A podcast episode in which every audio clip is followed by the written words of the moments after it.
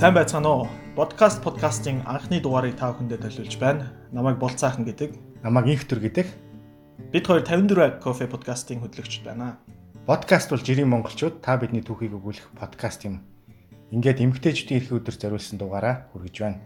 Энэ дугаарт бид дөрвөн бүсгүн түүхийг төлөвлөх болно. Таалан сонсноо.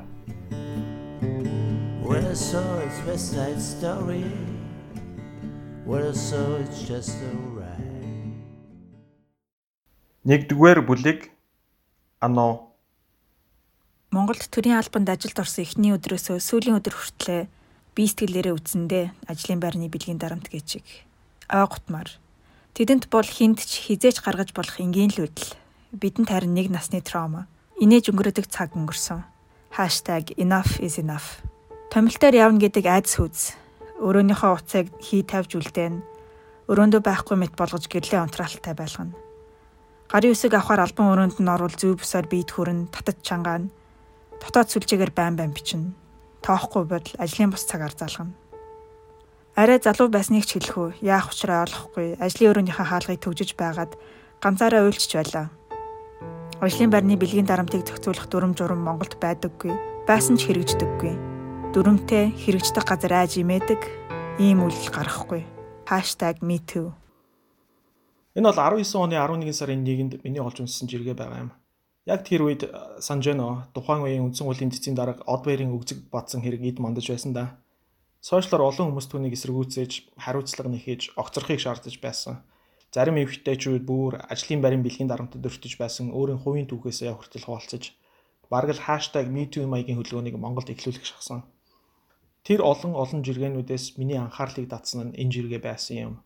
Яагаад миний анхаарлыг татсан бэ гэвэл би энэ жиргэний эзнийг маш сайн таньна. Аа намайг Ано гэдэг одоогоор Токио хотод ажиллаж амьдарч байна. Гэр бүлтэйгээ цуг. А яг одоо ажиллаж байгаа газар нь болохоор Японы одоо томоохон урдаа барьдаг групп компани сэргээгдэх хэрчим хүчнийх нь охин компанид нь ажиллаж байгаа. Тэгээд ерөнхийдөө Японыг зах зээл гэхээсээ илүү яг олон улсын зах зээлд сэргийгтийн эрчим хүч, нар салхины эрчим хүчээр шин төсөл хэрэгжүүлэх гэдгийг хариуцаад ажиллаж байгаа. Тэгээ яг одоо болохоор илүү Монголд төлөрж ажиллаж байна. Монголд нэг шинэ төсөл хэрэгжүүлэхэд тэрний төслийн менежерээр ажиллаж байгаа. Ануутай би анх 17 он Токио танилцсан. Ануу тэр үед Токиогийн сургуулийн магистр сурч байлаа. Цаанаал нэг тийм ийдэг, даруухан, ухаалаг бас айгүй цөөн үгтэй хилж ярьж буй зүйлээ айхтар хяндаг За дээрэс нь том бөөрийнхний нүдний шилзүүдэг болохоор нь ном их уншдаг байхдаа гэсэн анхны сэтгэл надад үлдэж байсан. Ану бол айлын дунд хүүхэд дээрээ хоёр ахтай доороо нэг охин дүүтэй. Гурван үгээр өөрийгөө тодорхойлож гэхэд бодлогошронгүй зөрүүд адал явдал дуртай гэж тэр хариулсан. Хүүхэд байхын л нийгмийн идэвхтэй сурлах сайтай гэхдээ юм юмны урд гүйж явдаг би би гэж орилсон сагсуу охин бас байгаагүй. Даруухан Японы манга, комик номууд уншдаг Harry Potter дуртай ер нь нэг тийм nerdy төрлийн охин байсан гэж өөрөө хэллээ. 10 жилийн Монгол төгсөөд эхлээд Монгол Улсын их сургууль дараа нь санхүү эдийн засгийн сургуулийг тус тус өгсөн. Хоёр бакалаврын зэрэгтэй. Японд магистра хамгаалчгаад одоогийн ажилдаа орсон. Япон явдлаа төрийн 3 том яамд ажиллаж үзсэн туршлагатай. Ануг товчхон танилцуулъя гэвэл тэр нэлээд Японсон хүн гэж хэлж болох байх. Яг би болвол бүр багасаа 5 настайгаас хойш л ер нь Японтой холбоотой байсан. Хамгийн анх Японд ирж исэн нь болохоор намайг 5 настай хахад ялгаагүй бас манай аав энэ ч магистр сурах гээд ирсэн. Тэгээ араас нь бид би одоо ээжтэйгээ ах дүү нартайгаа хамт Японд ирээд тэгээд Японд ирсэн цагаас ерөөхдөө тэгэл Япон хэл сураад нэлээд дуртайч байсан. Тэгээд э, Монгол руу буцсныхан дараа Монголд болохоор 23 дахь сургууль Япон хэл ангид орсон. Тэгэхээр тэндээ чинь бол 2 дугаар ангиас ахуулаад л ер нь бол төгсөн төслөө 9 10 жил шахам Японд сураад тэгэхээр баг юм хагас Япон маягийн ч юм уу те Монголд өссөн мөртлөө Японы урт нь одоо соёлтой нэг өөх тэгээд уусчихсан. 10 жил дахта тухайн үед 23 дахь сургууль Япон руу ингээд сурах солилцоогоор явуулдаг гэсэн богино хугацааны 3 сараар тэрэнд нь би 3 удаа явж исэн 5 дугаар анги дахта 7 дугаар анги дахта 9 дугаар анги тэгээд 3 удаа 3 сараар явж исэн. Яг тэр үед бол яг ингээд Японд амьдраад 3 сар яг Япон хүүхдүүдийн дунд ороод сураад хичээлийг хийгээд явдаг үе байсан болохоор тэр үеийн одоо туршлагууд ч юм уу надад нэлээд нөлөөсөн юм шиг санагддаг. Очиж үзээгүй бол танд Япон гэхээр ямар төсөөлөл төрж байна? Би лав Японыг нөгөө 90-ад оны сүүл 2000-ад оны ихэнх үеэр гарч байсан Сүзүран киногоор төсөөлдөг байлаа. Тэгэд анх 15 таа Японд очиж үзээд соёлын шоконд орж часнаа сайн сандаг юм. Хүмүүс нь ямар ихтэй юм бэ? Гудамж нь ямар цэвэрхэн юм бэ гэдэл гайхаж билээ. Нойлд нь ороод нөгөө ухаалаг жорлонгийнх нь бүх тавчин дээр нь дарч байснаа сайн сандаг. Хүмүүс нь сайхан сэтгэлтэй, тусч зантай, дөрвөн журмыг яс барьдаг, соёлтой. А гэхдээ нэлээд хаагдмал бас жоохон баригдмал юм шиг санагддаг байсан. Гэхдээ энэ бол ердөө Японы гаднаасаа л харагдаж буй өнгөц зүйлс нь болохыг хожим тэнд олон жил амьдарсныхаа дараа ойлгосон.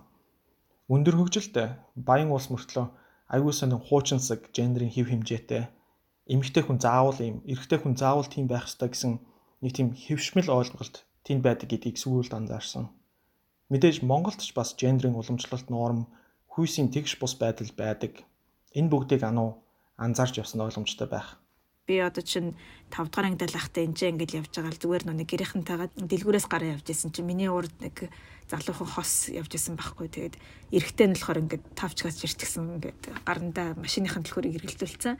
Араас нь одоо найз охин юм уу эхнэр юм уу мэдгүй. Эмэгтэй нь болохоор ингээд хоёр гараараа дүүр ууттай юм барьчихсан явж исэн Тэгээ би тэрийг харчаад айгүй гайхажсэн гэд Монголд нэг тийм анзаарч байгааг юм шиг вау ямар сони юм бэ гэж бодвол тэр чинь жоохон лсэн шүү дээ. Тэгэж анзаараад нэг өнгөрч ирсэн. Дараа нь болохоор 9-р ангита сурах гад ирсний дараа намайг 3 сар сураад ингээд буцхолонгот манай ангийнхаа ингээд бүгдээр нэг жижиг анкет шиг юм бөглөөд надад бэлгэлжсэн. Тэрийг нь би дараа нь буцчаад ингээд эргүүлээд хүүхд болгоны бицээвнүүдийг ингээд уншаад ивжсэн чинь нэг ангидных нь нэг асуулт нь болохоор ингээд ирээдүйн мөрөөдөл гэдэг тийм хэсэг байсан. Тэрэн дээр нь тэгсэн чинь манай ангид байсан охтуудын дийлэнх нь сайн ихнэр болох гэж бичсэн байсан. Ирээдүйн мөрөөдөл нь. А эрэгтэйчүүд нь болохоор ингээд би ийм мэрэгчлээ болох болох ч юм уу хуульч байна, эмчж байна болно гэж бичсэн. Тэгээ анги охтуудын дийлэнх нь болохоор сайн ихнэр болох гэжсэн аахгүй. Би тэрийг бас хараад маш их гайхажсэн. Жи одоо өөрөн боддгон бахта гэд те Монголд бол би нэг тийм бас ярьж байгааг нэг сонсож байгаагүй те эмгтэж охтуудын одоо жишээ нь миний мөрөөдөл сайн ихнэр болох гэж ер нь яхахыг сонсож байгаагүй шүү дээ Тиймэрхүү татаар нэлээ сонирхолтой санагдчихсан хамгийн анх бол Монгол жалгаагүй, Япон жалгаагүй аль аль нь ерөөхдөө нэг тийм нийгмээсээ эмгтэй хүн бол нэг юм байх хэвээр, эрэгтэй хүн бол юм байх хэвээр гэдэг тийм одоо хөвшмөл ойлголт гэж юм уу баг шаардлага ч гэдэг ч юм уу тийм хев хэмжээ байдаг тэр нь ч бас анзаарэгддэг. А гэхдээ Японд илүү тэр нь олон жилийн турш илүү олон зуун жилийн туршид ингээд соёлт нь шингээд орчихсон илүү тэрийг даваад гарахад хэцүү сэрхүүцгээд айгүй хэцүү юм шиг э, санагддаг. А Монголд болохоор магадгүй одоо нэг социализмын үед чинь бүгд л ялгаагүй эрэгтэй эмэгтэй ялгаагүй бүгдээр үйлдвэрт ороод ажилладаг. Тэрэнд бол ажил хүн ажил хийхэд бол хүүс хамаахгүй гэдгээрээ нэг талаасаа бас магадгүй хэрэг одоо тэр социализмын өмнөх тийм ямар нэгэн норм байсан бол тэрийг нэвдээд өгсөн байж магадгүй Тэрүүгээр одоо жишээ нь бид нэр э, Монголд бол эмэгтэй хүн ажил хийн гэдэг бол хэвийн үзэгдэлтэй хүүхдтэй болсны дараа ч гэсэн ажлаа өргөжлөд явна гэдэг бол хэний ч гайх асуудал бол биш. А Японд болохоор эсрэгээрээ ихтнэр болоод хүүхдтэй болох юм бол эргээд баг ажилдаа орно гэдэг нь сонин асуудалтай. Эргээд ажилдаа ороход айгүй хэцүү байдаг. Жохон хүүхдтэй хүмүүс ээж нар ажлын байр олоход хэцүү эсвэл тийм э, уян хатан байхад айгүй хэцүү гэдэг ч юм уу. Тэрүүгээрээ ялгаа бах шиг байгаа. Гэхдээ тэгэл ялгаагүй Монголд ч гэсэнтэй одоо жишээ нь нөхрөөрөө хог асуултгүй гэдэг ч юм уу. Одоо эхнэр нь цайныхын дээжийг аваад нөхртөө өгдөг гэдэг ч юм уу. Тиймэрхүү бас нэг хуучны бас үдэл байдаг шүү дээ. Тийм бол бас мэдээж байна. Дэлхийн эдийн засгийн форумоос эрхлэн гаргадаг хүйсийн тэгш байдлын харьцуулсан индексээр Япон 2019 онд 153 орноос 121 жагсан. Хэдийгээр Япон эмэгтэйчүүд эрэгтэйчүүдээсээ дутхгүй боловсрал эзэмшдэг, илүү урт насалдаг боловч эмэгтэйчүүдийнх нь оролцоо хөдөлмөр эрхлэлт, эдийн засаг болон улс төрийн салбарт шийдвэр гаргах төвшөнд маш бага байдаг юм байна. Бүх удирдах албан тушаалын ердөө 15%-ийг нь эмэгтэйчүүд хашдаг юм байна. Ихэнхдээ эрчүүд нь удирдах ажил хийн, эмэгтэйчүүд нь харин арын албанд ажиллана, а эсвэл гэртээ суудаг. Тийм улсад эрчүүдтэй нэмэр зэрэгцэн ажиллаж байгаа анууд эмэгтэй хүнийх нь хувьд ямар бэрхшээл тулгарч байсан болоо. Яг яг ажилд орсны дараа хидэд одоо тохиолдсон юм нь болохоор анх удаа ингээл орцсон байж байгаа л за тэгэл томилтоор явах болж байгаа гадагшаа те ингээд нүд төс ажилтай холбоотойгоор тэгсэн чинь манай яг дээдлийн дарга намайг өрөөндөө ингээд дуудаж оруулж ирэл айгүй ингээд сериосны царайтай за яасан бол тол гэж бодсон чинь за ингээд томилтоор явах гэж байна уу чи явах зүгээр үү гэр бүлийн хүн чинь зүгээр үү те хүүхдий ч одоо хэн харах уу гэл айгүй санаа тавиад асууж байгаа байхгүй. Тэр нь нэг талаас айгүй санаа тавьж байгаа надаа гоё юм шиг тэр чинь бас мэдрэмжтэй байгаад те. Тэгтээ нөгөө талаасаа болохоор би зүгээрээ би өмнө танд бас танд тайлбарлаж ирсэн те. Манай хүүхд одоо том болчихсон.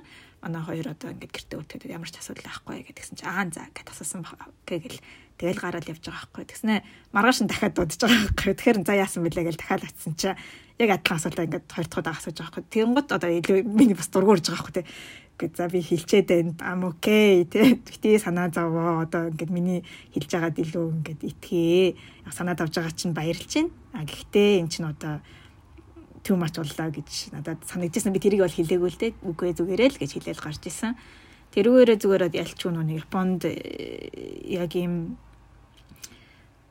ажилдаа ингээд маш их цагийг зартуулдаг тийм алийн гэргий болчихсон ээж болчихсон хүн цөөхөн байдгийн ч юм уу тий эсвэл манай даргын хувьд тийм хүнтэй өмнө баг ажиллаж исэн болохоор яг тэр асуудлыг яаж зохицуулахаа бас мэдгүй байгаа юм шиг анзаарэгдэжсэн л дээ. Яг одоо манай компани дээр ч гэсэн ингээ анзаархад мэдээж эмгтээчүүд байдаг.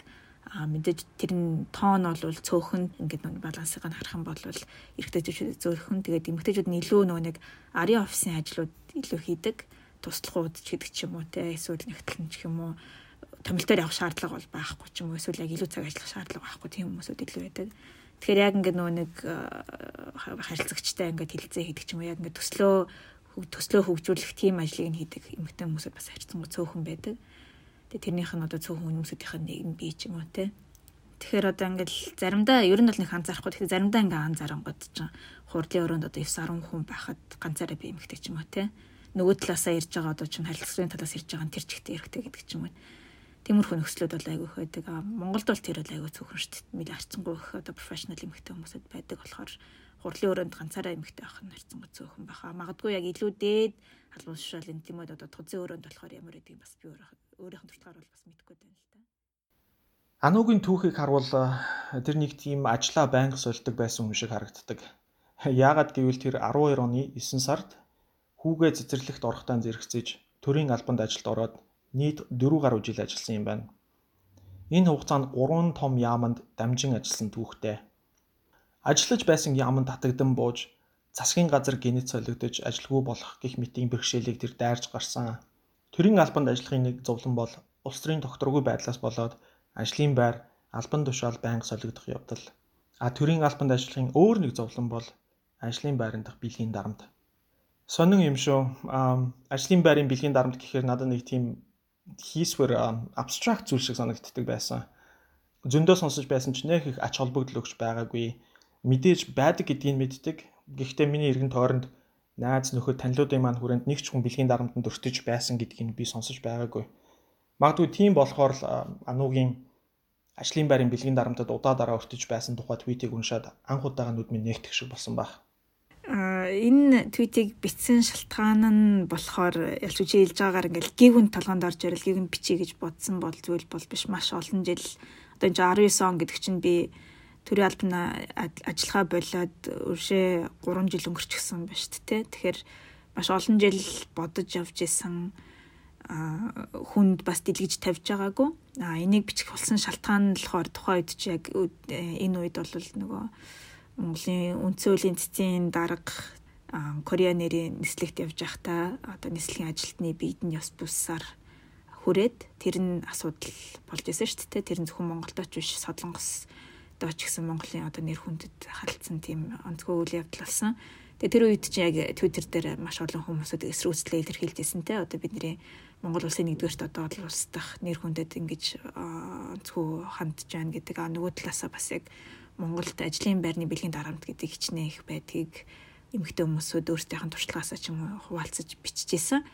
Аа тэрэн дээр нь л би ерөнхийдөө яг одоо тэр чинь хүнийг одоо гадна төрхөөрөөс нь дүнхэд хаашиж юм муухайх. Гэхдээ Монголд байдаг одоо тэр хуулийн цэцгийн дарга болов те тухай юм.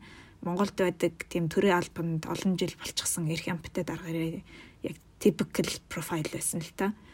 Өөрийгөө одоо бүхнээс дээгүүр гэж боддог хинд яаж ч ямар ч зан авир гаргаж исэн асуудалд ордгоо гэдгээ мэддэг. Тийм болохоор хит хинд яаж ч хандаж болно гэж мэдэрдэг. Тэр нь ялцчгүй хараад одоо өмнөх тэр туршлага үзэгдэж юм надад ч болж исэн юмнуудыг санагдуулсан болохоор айгу уур хүрсэн л тийм. Тэгээд тохойд болол тэгээд ер нь бичиж гэж бодож байсан.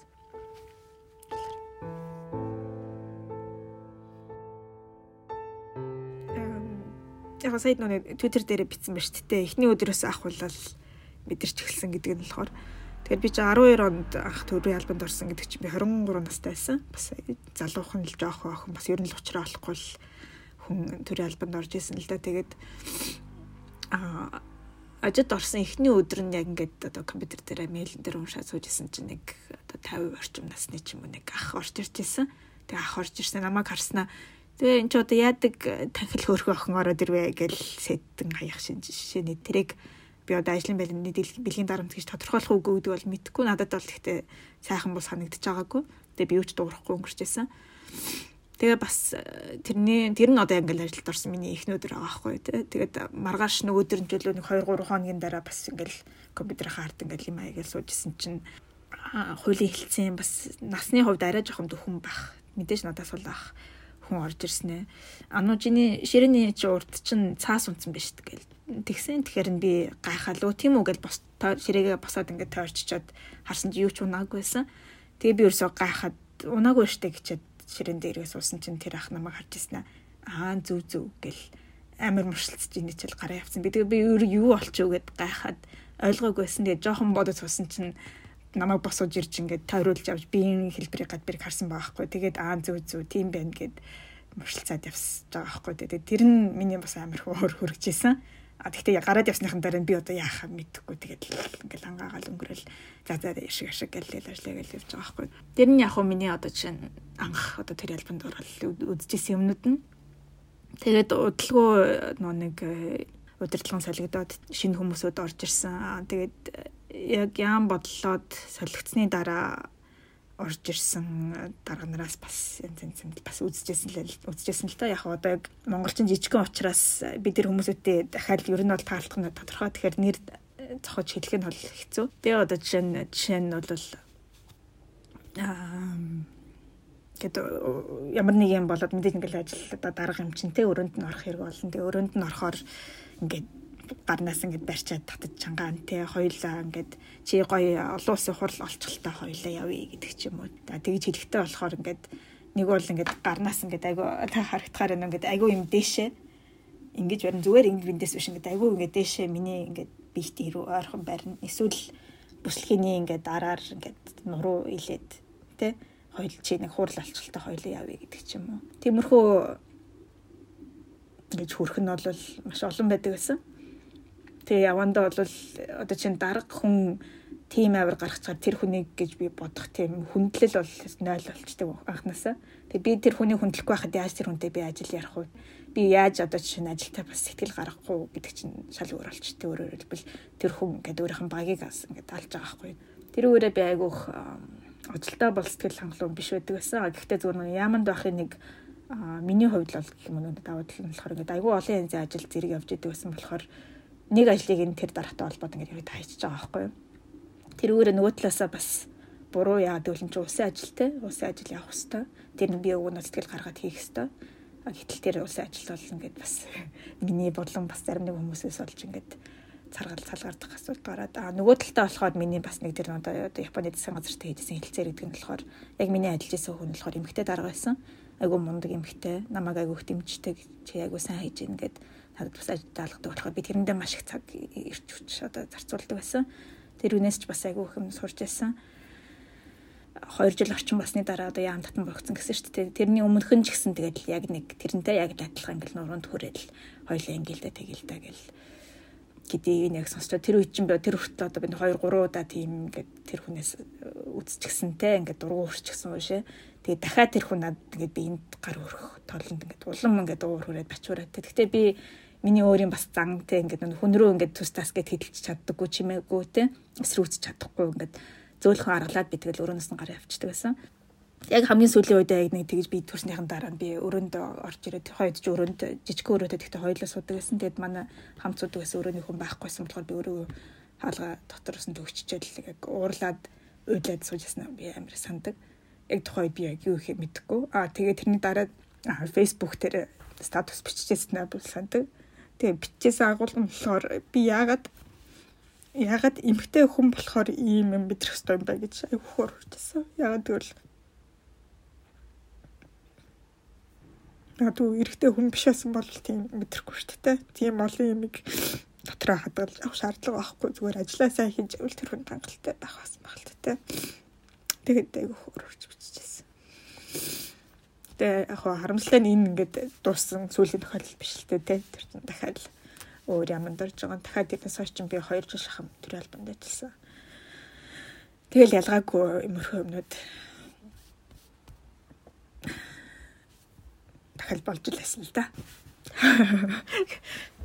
Sorry.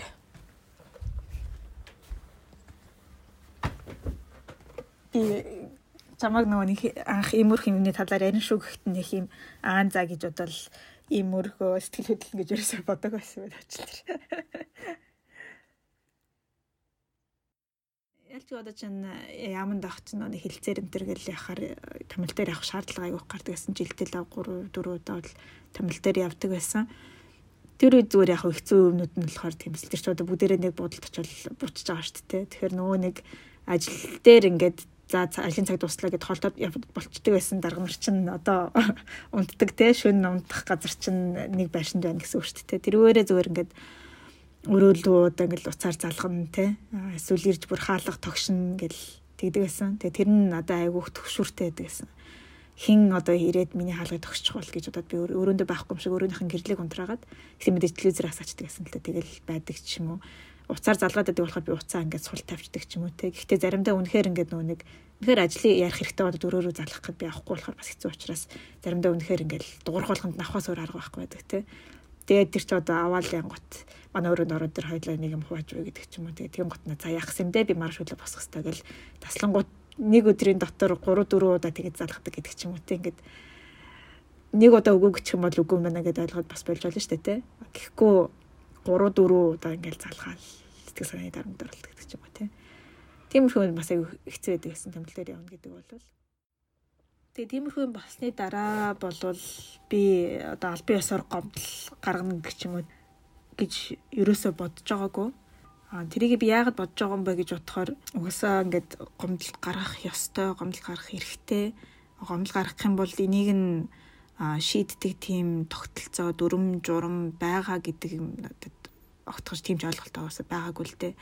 Жишээ нь би хэрүү гомдол гаргая гэд явсан бол манай дотоод журамд одоо ажлын байрны бэлгийн дарамт гарсан тохиолдолд ийм ийм ийм шат дараалаар ийм ийм ийм хүмүүсүүд энийг ингэж шийднэ ингэж одоо хувийн нууцыг хамгаална гэдэг ч юм уу. Тийм одоо ил тод мэдээлэл огт байдаггүй.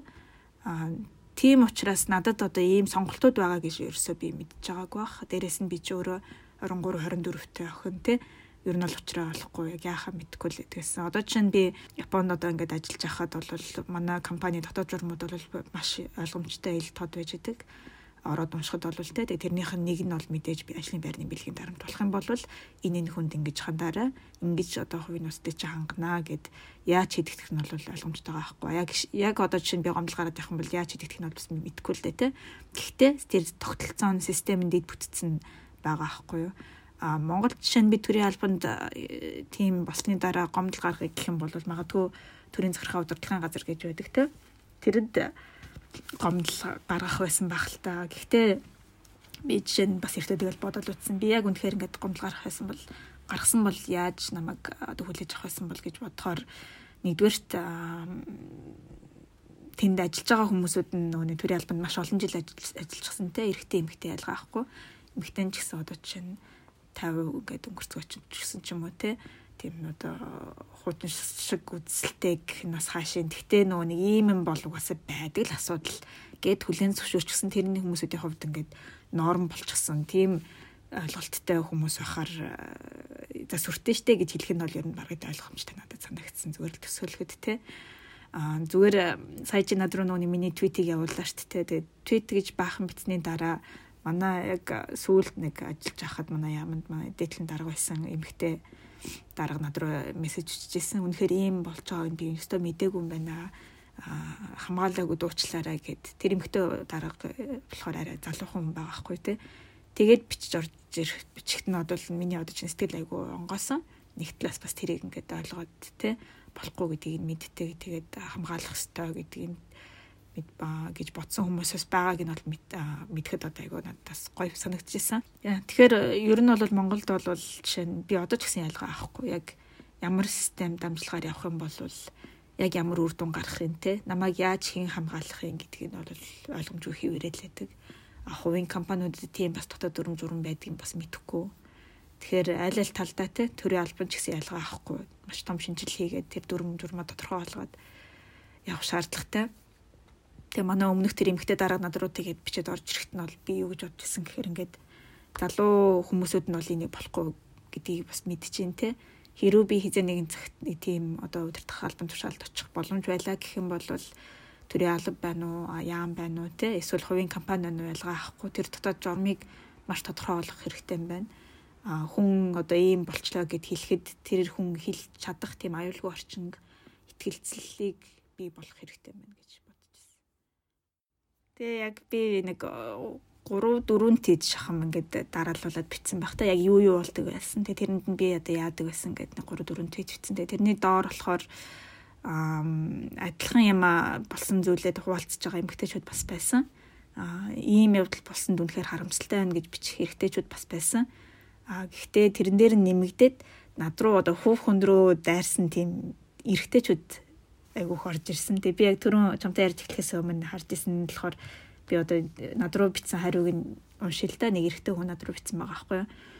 Тэгээ тэр нь болохоор ингээд хэд хэд удаа ингээд бит хоёр хоорондоо бичсэний дараа хамгийн сүүлд над руу юуж чинь ингээд тэгэхээр ер нь тэгээд явталтай нээнтгтэй хүмүүс л бэлгийн дарамтанд өрт тийм дөө юу ч чадахгүй яаж арын хаалгаар орсон хин нэг нь туслах гэж гарын үсгийг нь гуйсан мөнгө зээлсэн гэдэг ёс суртахууны зөрчилтэй хүмүүс дараа нь бэлгийн дарамтанд орсон намайг оролцсон энэ төр гэж их ярьдаг гэд над руу хөв хүн рүү дайрж эхэлж байгаа байхгүй юу. Тэгээ өөрөөр хэлбэл нөгөө англиар бол victim blaming те одоо хохирогчийг буруутгах гэдэг э, байгаа байхгүй. Тэгээ би одоо энийг нь уншчаад гайхаж байгаа байхгүй. Би өөр бас нэг твитээсэн тэрний ерөөсөө тэгтээ олж чадсангүй. Тэр нь болохоор ингээд тэгээ шонхрууд л баг ингээд одоо өөрөөр хэлбэл юм хүчтэй хүмүүс бол иймд өртдөггүй. Чи бол одоо ингээд те сул дорой байсан болохоор юм дүрцэн маягийн нэг тийм бичсэн бидээ уншичаад яг ямар логик байгаад те ингээд яаж бодохороо би энд нь буруутай болоод те явчтiin бол гээд надад бас айгүй сонин сэтгэл одоо уур хүрэх гайхах одоо гутах тийм мэдрэмжүүд төрж исэн. Тэгээ тэр үед болохоор би юуг айгүй ойлгосон бай гэхээр үнэхээр тийм нөх хөрчийг буруутгах гэдэг байдаг юм байна те. Би бол зүгээр одоо чинь одоо бэлгийн хүчирхийллийн кейс бол яриаггүй шүү дээ. Ажлын байрандах бэлгийн дарамт гэд а гítэл яг үнэхээр ингээд бэлгийн хүчирхийллийн талаар яриад ирж байгаа хүмүүсүүдийг иймэрхүү байдлаар хүүхэн рүү дайрах ч юм уу те бохирчиг өөрийг нь одоо буруутгахаар ямар хэцүү боож өхмээр мэдрэмж төрдөг бол гэж бас ойлгож ирсэн. Тэр айгүй сонирхолтой л сонин мэдрэмж байсан да. Хэдэн жилийн өмнө нэг улс төрч хүчингийн хэрэгт холбогдож байсан да. Бандаж ган тулга гээд Энэ хэргийн талаар анх удаага телевизээр үзчихэд манай нэг найз энэ хүүхэн нь угаасаа яах гэж цуг арх уусан юм. Шаал худлаа шантаажлж мөнгөл салах гэж байгаа биз гэж надад хэлж байсан санаанд орлоо. Тэр үед би их гайхсан. Хэрэгт холбогдсон хүмүүсийг аль аль нэг нь танихгүй, юу босныг нүдэрээ хараагүй байж ич аль хэдийнэ ийм дүгэлтэнд төрчихсөн байсан гайхалтай санагдсан. Бид ер нь яагаад хохирогчийг буруутгадаг юм бол ирчүүд ирчүүдээ өмөрдөг нэг тийм сүргийн араатантлаг сэтгэл зүй байдаг юм болов уу? Эсвэл хохирогчийн байр сууринд өөрийгөө тавьж тэдний хүлээн авч ойлгох чадвар буюу empathy дутдаг юм уу? Эсвэл хохирогчийн талд орчихвол хизээ нэгэн цагт өөрийгөө асуудалд орчихно гэсэн айдас байдаг юм болов уу? Ямар ч байсан хүн хохирчхоод байхад хүлээн зөвшөөрөхгүй түүнийг өөрийг нь буруутгаж аль эсвэл таг дууга өнгөрч байгаа учраас та бид асуудлын салшгүй нэг хэсэг нь өөрөөр хэлбэл хам хэрэгтэн болж байна. Бид хохирогчийг буруутгадаг учраас тэд өөрт тохиолдсон зүйлээ ярьдаггүй ярьдаггүй учраас юу ч өөрчлөгддөггүй. Тэгэхээр бодож байхад бол чинь намайг 10 жил байхад эсвэл их сургуульд байхад ч юм уу одоо чинь эмэгтэйчүүдийн эрх, охтуудын эрх ч юм уу те одоо хүүсийн эрхтгш байдлын талаар гэдэг ч юм уу эсвэл одоо бэлгийн дарамт гэж юу юм гэдгийг би хүнээр заалгаж ч юм уу хин нэгнээс би сонсож ч юм уу үлгэрлэж дуурайлж огтхон авч байгаагүй байгаа хгүй те. 10 жилийн боловсролд байхад жишээ нь бэлгийн дарамт гэж юу юм эсвэл одоо consent гэж хэлдэг хэлдэг одоо харилцан ойлголцох хүлэн зөвшөөрөх одоо санал нийлэх гэж юу юм эсвэл гэх мэт ч юм уу а энэ талаар ерөөсөө тийм мэдээлэл хомс байсан юм бэлээ л дээ. Одоо эргээд бодоход аа тэгсэн мөртлөө одоо чинь би 10 жил тахтаа ч гэсэн ингээд яг эйгүү тохиолдлууд би одоо өөр дээрээ үзэжсэн а бакалавр дахтаа ч гэсэн одоо ингээд одоо бэлгийн дарамт гэдэг ч юм уу тиймэрхэн бас үзчихэл байсан. Тухайн үед ч гэсэн ингээд хэцүү санагдаад явдаг байсан. Тэгэхээр тэрэнд би одоо болохгүй гэдэг ч юм уу тэрийг би яах ёстой гэдгийг бас мэдгүй явсараад ажлын байранд орсон байгаа хэрэг. Тэгэл нэг ажлын байранд явснаар явж байхдаа тэр тэр нэг л даамжраад явж исэн. А энэ болохгүй юм а гэдэг ч юм уу тэр нь хизэнээс юм гэж бодохоор магадгүй яг л тэр нөгөө нэг ажил төрийн албанд ажиллаж авах үедээ л зэрэгтж эхэлсэн баг л та иймэрхүү юм үзчихэд маш их ингээд уур хүрчсэн яхаа мэдгүй болчихсон тийм үеүүдэд байсан бас бусад одоо чинь яг хувийн харилцаан дээрээ ч гэсэн одоо ингээд эмгтэй бодохоор ч юм уу гэдэг чиглэл нэг тийм эрүүл бус харилцаанд байсан ингээд маш олон үе давхцсан тийм үед байсан л та. Тэгээ тэр үед болохоор би анх нөгөө Sheryl Sandberg-ийн Lenin гэдэг ном байдаг. Монголоор бол өөдөө тэмүүлгээд орчуулсан байдаг. Тэр номыг бас яг 24 орчим настай байхдаа уншсан юм шиг. Тэгээд тэр ном надад үнэхээр одоо ингээд одоо нүд нээж өгсөн гэх юм уу та. Тийм ном байсан л та. Тэр нь болохоор хүйсийн эргэтгэж байдлын талаар тэр нь ажлын байран дээр ч байна уу, гэр бүлийн харилцаанд ч байна уу, хувийн харилцаанд ч байна уу те. Ямар байх ёстой юм, юу нь буруу юм, юу нь зөв юм одоо ийм асуудлынхан бол жишээ нь одоо яаж даван туулах хэвтэй юм гэдэг ч юм уу. Тэгэхдээ тэр ном бол ингээд эмгтэн хүний хөгжил одоо leadership одоо манлайлалын талаар ном шүү дээ. Тэрнээс биш ингээл амар юм бэлгийн хүчрхийл гэдэг ч юм уу те ийм экстрим юмнууд яриад байдаг ном биш. Гэхдээ зүгээр яг тийм эмгтэн хүний хөгжил одоо манлайлалын талаар номыг уншихад л надад маш их том импакт болсон юм шиг санагддаг. Тэгээ тэр номыг уншсныхан дараа яг адилхан одоо жишээ нь тэр ном маш их таалагдсан ч юм уу их юм сурж авсан тийм нэг хэсэг хүмүүсүүд эмгтээчүүд а яг оролцоо насны эмгтээчүүд бид нэр нийлж агаад одоо Монголын Ленин community гэж нэгээд явж исэн. Тэгээ тэр үеч бас яг давхцаж исэн л дээ. Тэрэн дээр бид нар ингээд одоо эмгтээ болохоор э, хэцүү байдаг асуудлуудаа айгүйх ярьдаг. Тэр нь ажлын байран дээрч байна уу эсвэл одоо карьераа хөөгөөд те явхад ихнэр байх, ээж байх ямар хэцүү байгааг гэдэг ч юм уу. Тиймэрхүү асуудлуудаа зөвөөд л маш чөлөөтэй энгийнээр ингээд ярилцдаг. Тэгээд Тэрэн дээр ингээд би өөрийгөө ингээд болж исэн явдлуудаа ч юм уу тэр нь болохоор ажил дээр ч байна эсвэл хувийн амьдрал дээр ч байна ингээд ярьж болж исэн юмудаа яриад эхлэхэд бол маш сэтгэл онгоох гэдэг ч юм уу те эсвэл ярих тусам ингээд тэрэндээ тасаад зориг орох ч юм уу тийм боломжийг олгож исэн. Тэгэл тэрнээс хойш чинь мэдээж одоо нөгөө нэг Nigerian юу зохиолч байдаг шүү дээ. Эмэгтэйд нөгөө Чимаманда нөгөө Зя Дичи гэдэг яаж зөв дуудлахын сайн мэдэхгүй байна. Бейонсегийн нөгөө клипэн дээр гардаг те. Тэр эмэгтэй одоо богино тийм нэг феминизмын талаар номыг нь уншиж ирсэн. Гэх мэтчлэн яг ингээд 23 4 наснасаа хойш өөрийгөө илүү ингээд ийм хүүсийн эрх тэгш байдлын талаар эмгтээчүүдийн манлайлалын талаар ч юм ингээд боловсруулад те өөрөө илүү мэдээлэл олж аваад уншаад явах тусам эн чинь болохгүй байна. Энэ бол хүлэн зөвшөөрч болох асуудал биш. Аа би ийм нэг бол окей би энэ дээр бол хүлэн зөвшөөрнө. Энийг бол би хизээч зөвшөөрөхгүй мэн гэд миний бас нэг зөрүү зан гарч эхэлж байгаа эхэлж байгаа байхгүй. Тэгээ ерөнхийдөө баг багаар эн чинь дотроо бас өөрийн бодолтой болоод а тэрийгээ бас хэрэг хэлэх зөрөгтэй бас болоо тэр чинь бас нас яваад байна 23 дөрөвтэй жоох охин биш одоо би чинь 30 нас гарч гар чинь арай жоохон зөрөгтэй болж байна Тэгэл ерөнхийдөө тэр нүг хувьсгалын тохироо бүрдэн гэдэг шиг ингээл өөрөө ч би дотроо ингээ зөрөгтэй болсон болох болохгүй аль нь болно болохгүй гэдгийг мэддэг болсон мэдээлэлтэй болсон мэдлэгтэй ч болсон Тэгээд иймэрхүү кейс гараад те болоод эхлэн гот. За ер нь бол хэлэхдээ илүү тэгэл natural байсан л те. Үнэхээр өшөө барьж ирэхгүй болохоор бичих нь хэрэгтэй гэж битсэн.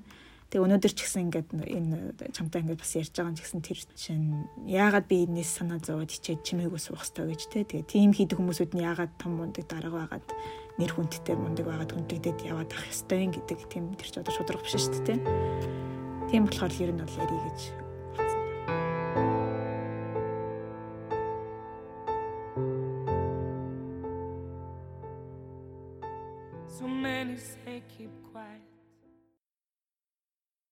Хоёрдугаар бүлэг мандухай.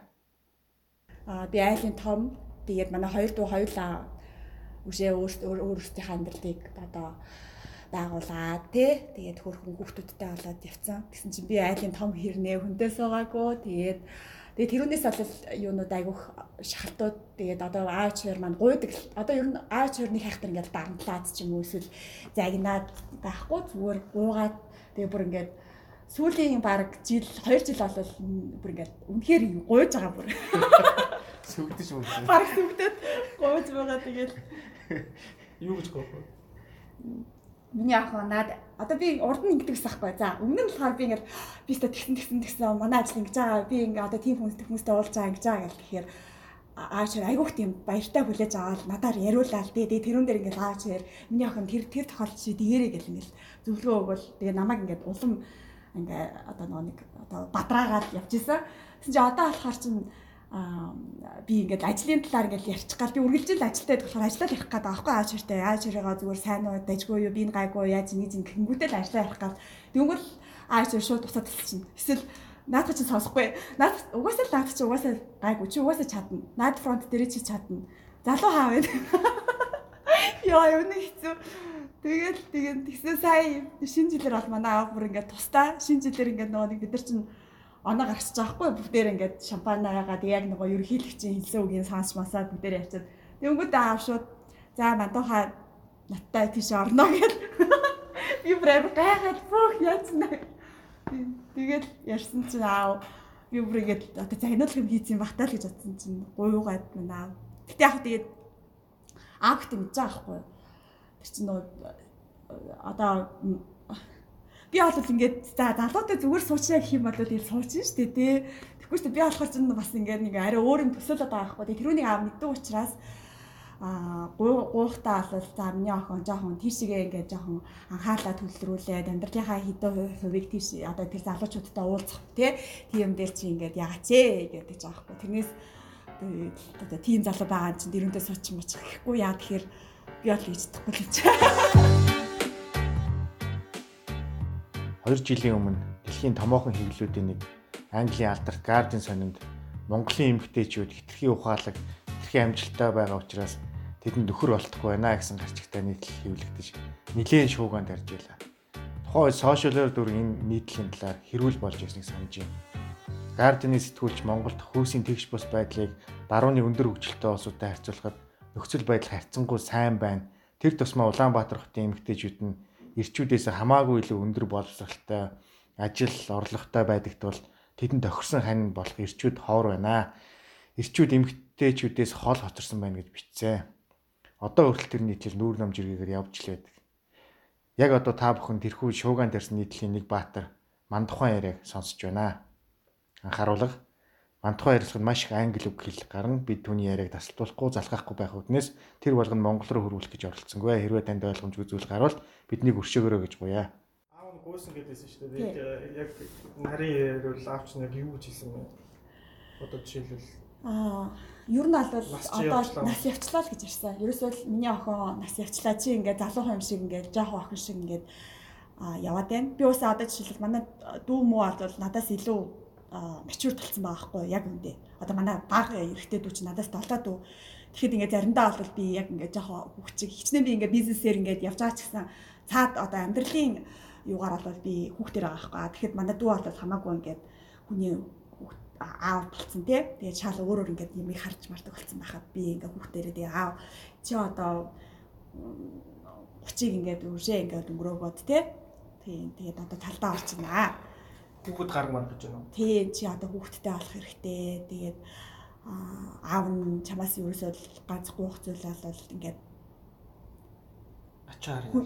Тий. Хүүхдээ аллаач тэгээд нөгөө нөхөр мэдээж хэрэг чи хүүхдээ өндрүүлж болохгүй нөхөртэй байх хэрэгтэй тий гэж Тэгэхээр аав чинь хэрвээ тэгж гуугаагүй бол чи ер нь ээж болъё гэж бодож байсан уу? Аа яг үндэ үгүй юм бэлээ. Би хүүхдэд амар хайртай байсан. Тэгсэн чи одоо нийлж шат. Амир хоёр дөө хоёлаа амир хөр хүүхдүүдтэй гэтээ ингээд хамтдаа бас байхаар бас сайхтар.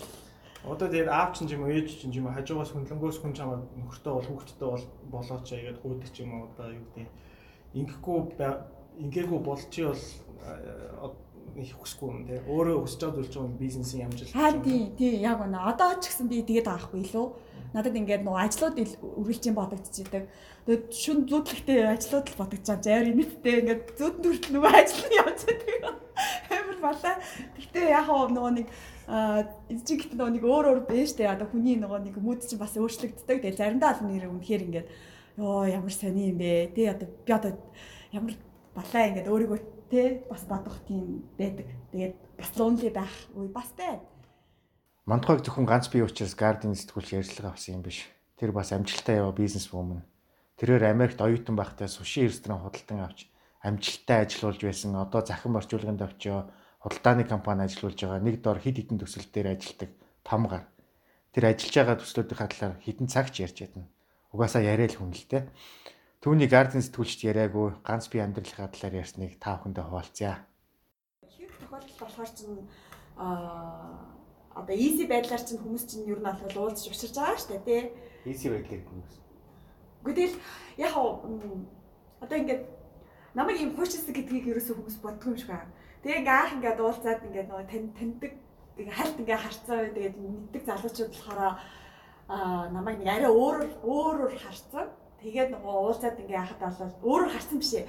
Ихэнх ер нь одооний залуучууд ялангуяа миний одоо насны залуучууд болоод зүгээр хөөхний дээдэнд явал яваал тэгэл яг нөгөө яагаад юу яагаад тэгэл нөгөө ер нь бол одоо тэр одоо sex sex wise яг би энэ таардгүй таардгүй юу гэж шууд одоо үзий харъя гэсэн л тийм бодолтой байд юм шиг ба. А би болохоор ч жоохон тийм биш аахгүй юу.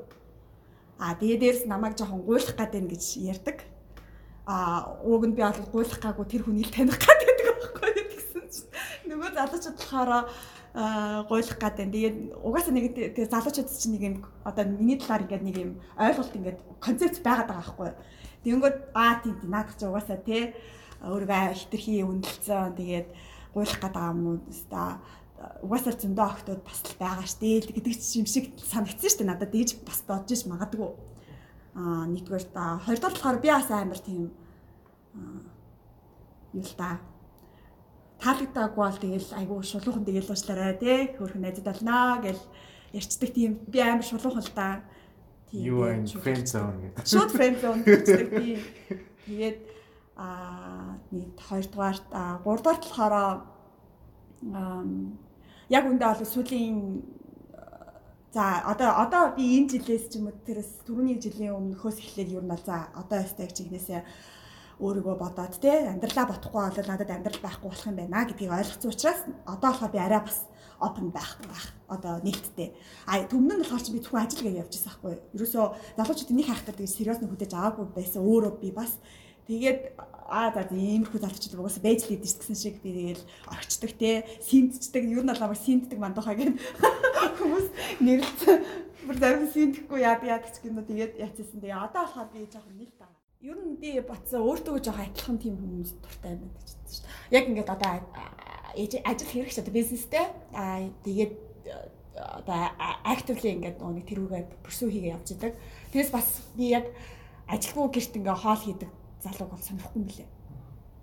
Тэгэд ажил хэрэгч тийм залуус Монголд хоор нөгөөсөл таарахгүй байна уу? Аа ихэнх ажил хийдэг тийм залууч залуучууд маань өөртөө адилхан бас ингээд нэг бизнес бизнес яриад байдаг тийм мэдэмхийрээд байдаг хүүхнүүдэд дуртай байдаг юм байлаа. Гүнээр ингэсэн. Нэр ингэсэн. Яа тэг гэхээр тэд нар бас ингээд нөгөө нэг яг ажлын фронт дээр те бизнесийн фронт дээр чинь амар хэм стресстэй байдаг байхгүй юу? Амар стресстэй, айгуу тийм одоо айгуу хэмиг давж туулаад ингээд явж идэг тэд нар чинь. Тэгээд яг ингээд одоо охинтой нэг хүүхэнтэй уулзч очрно шүү дээ. Тэнгүүд нөгөөх нь илүү одоо адилхан ингээд нөгөөдөгтэй чинь бизнес яриад ахаар чинь нөгөө угаасаа өдрийн одоо жишээл 8 цагт нь тий бас яг ажлынхаа тэр бизнесийг яриад тэрүүн дээр стресстэй ингээд санаа зовоод ингэсэн хүнтэй би ингээд уулзаад ингээд ярахад би тэрүүн дээр дахиад нэг юм нэмждэг хаахгүй юу. Тэгэнгүүт тэр хүмүүс мэдээж эхлээд болол би таалагдаад тэр чинь ингээд гой байдаг. Одоо эхний одоо жишээлбэл нэг хит хитэн гуул одоо дейт дээр А дараад нь бол тэд нар болохоор яг юу хардаг вэ гэхээр илүү тийм easy going охтууд илүү тэд нар таалагдсан юм шиг ба. Яа тэгэхээр тэдэртэй тэд нар ингээд хамаг стрессийгаа релиз хийдэг. Тэгэхээр би бас амар буруу тийм залуучуудыг илүүсээд байгаа шиг байгаа юм л да. Тэгэхээр би одоо талаас бэлэн биш юм уу? Монгол залуутай суун гэж бодоод ирсэн гэсэн чинь яагаад монгол залуутай сууя гэж утсан юм? Аа хүмүүжлээс л ах та. Тийм манай аав угаасаа айгүйх нөгөө нэг одоо гэр бүлэрээ тэгээ дээрэс нөгөө аа одоо өвөө өвөг дээдсээр айгүйх тийм kinda айгүйх бахархдаг байхгүй юу? Ер нь бол Монгол түүх мүхээр бас айгүйх бахархдаг. Гэтэ нөгөө цээжэд илтдэг биш л дээ. Зүгээр л ер нь бол тэгээд аа яа. Тэгээ нөгөө надад айгүйх ихтгэл айгүйх өгцөн бүр багаас тэгсэн байсан болохоор ч тэр юм уу. Тэгээ одоо бол би тэгэж аавын хэлснээр биш баг ингээд өөртөө ингээд суудсан байгаа байхгүй юу. Манай одоо хоёр дүү хоёулаа хүнтэй сууг хүртэл алцсан шүү дээ. Тэгээд гэр бүлийн уулзалтад гэр бүлийн уулзалтаар манай аав ээж хоёр чинь би энд айгүй тийм сайхан хоёр энд хайртай хоёр хасууд тэгээд дээрэс нь манай хоёр дүү маань ингээд ихнэр нөхөртөө хүүхдүүдтэйгээ тэгээд би ганцаараа хурж ирдэг байхгүй юу тэгээд бид нар ингээд гадуур ингээд за наадам дээр чи мухаал ингээд идээд ингээд сууж хахад тэгэхэд би амар фитлон хийдэг тэр үед би бүр ингээд өөч гэж хацаа тэгээд ингээд баяруудаар бас амар лон яа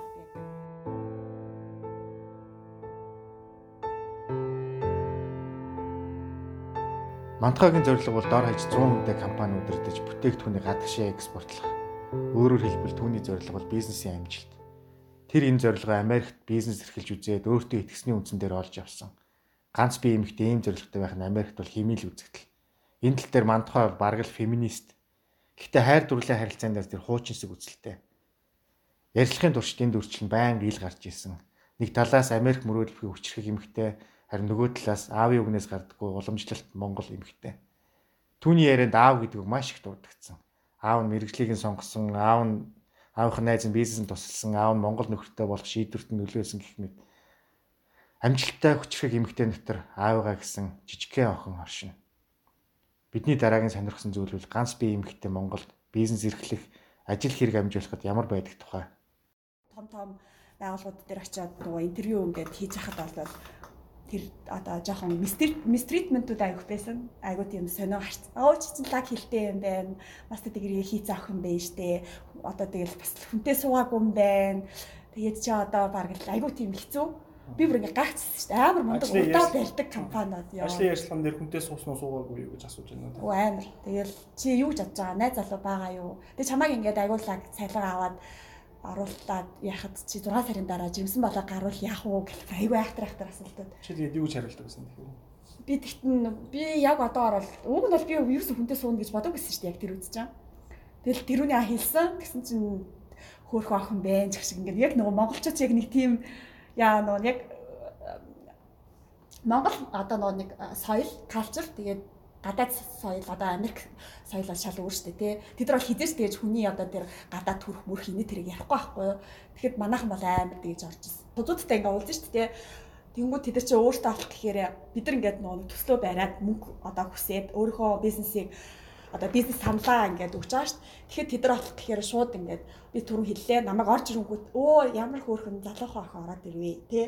Тэгснээ ингээд орж ирээд нөгөө суухад ингээд тэд нар ингээд хажуугаар ингээд ангиттай ингээд одоо энэгээр ингээд оролдох ч юм уу тий.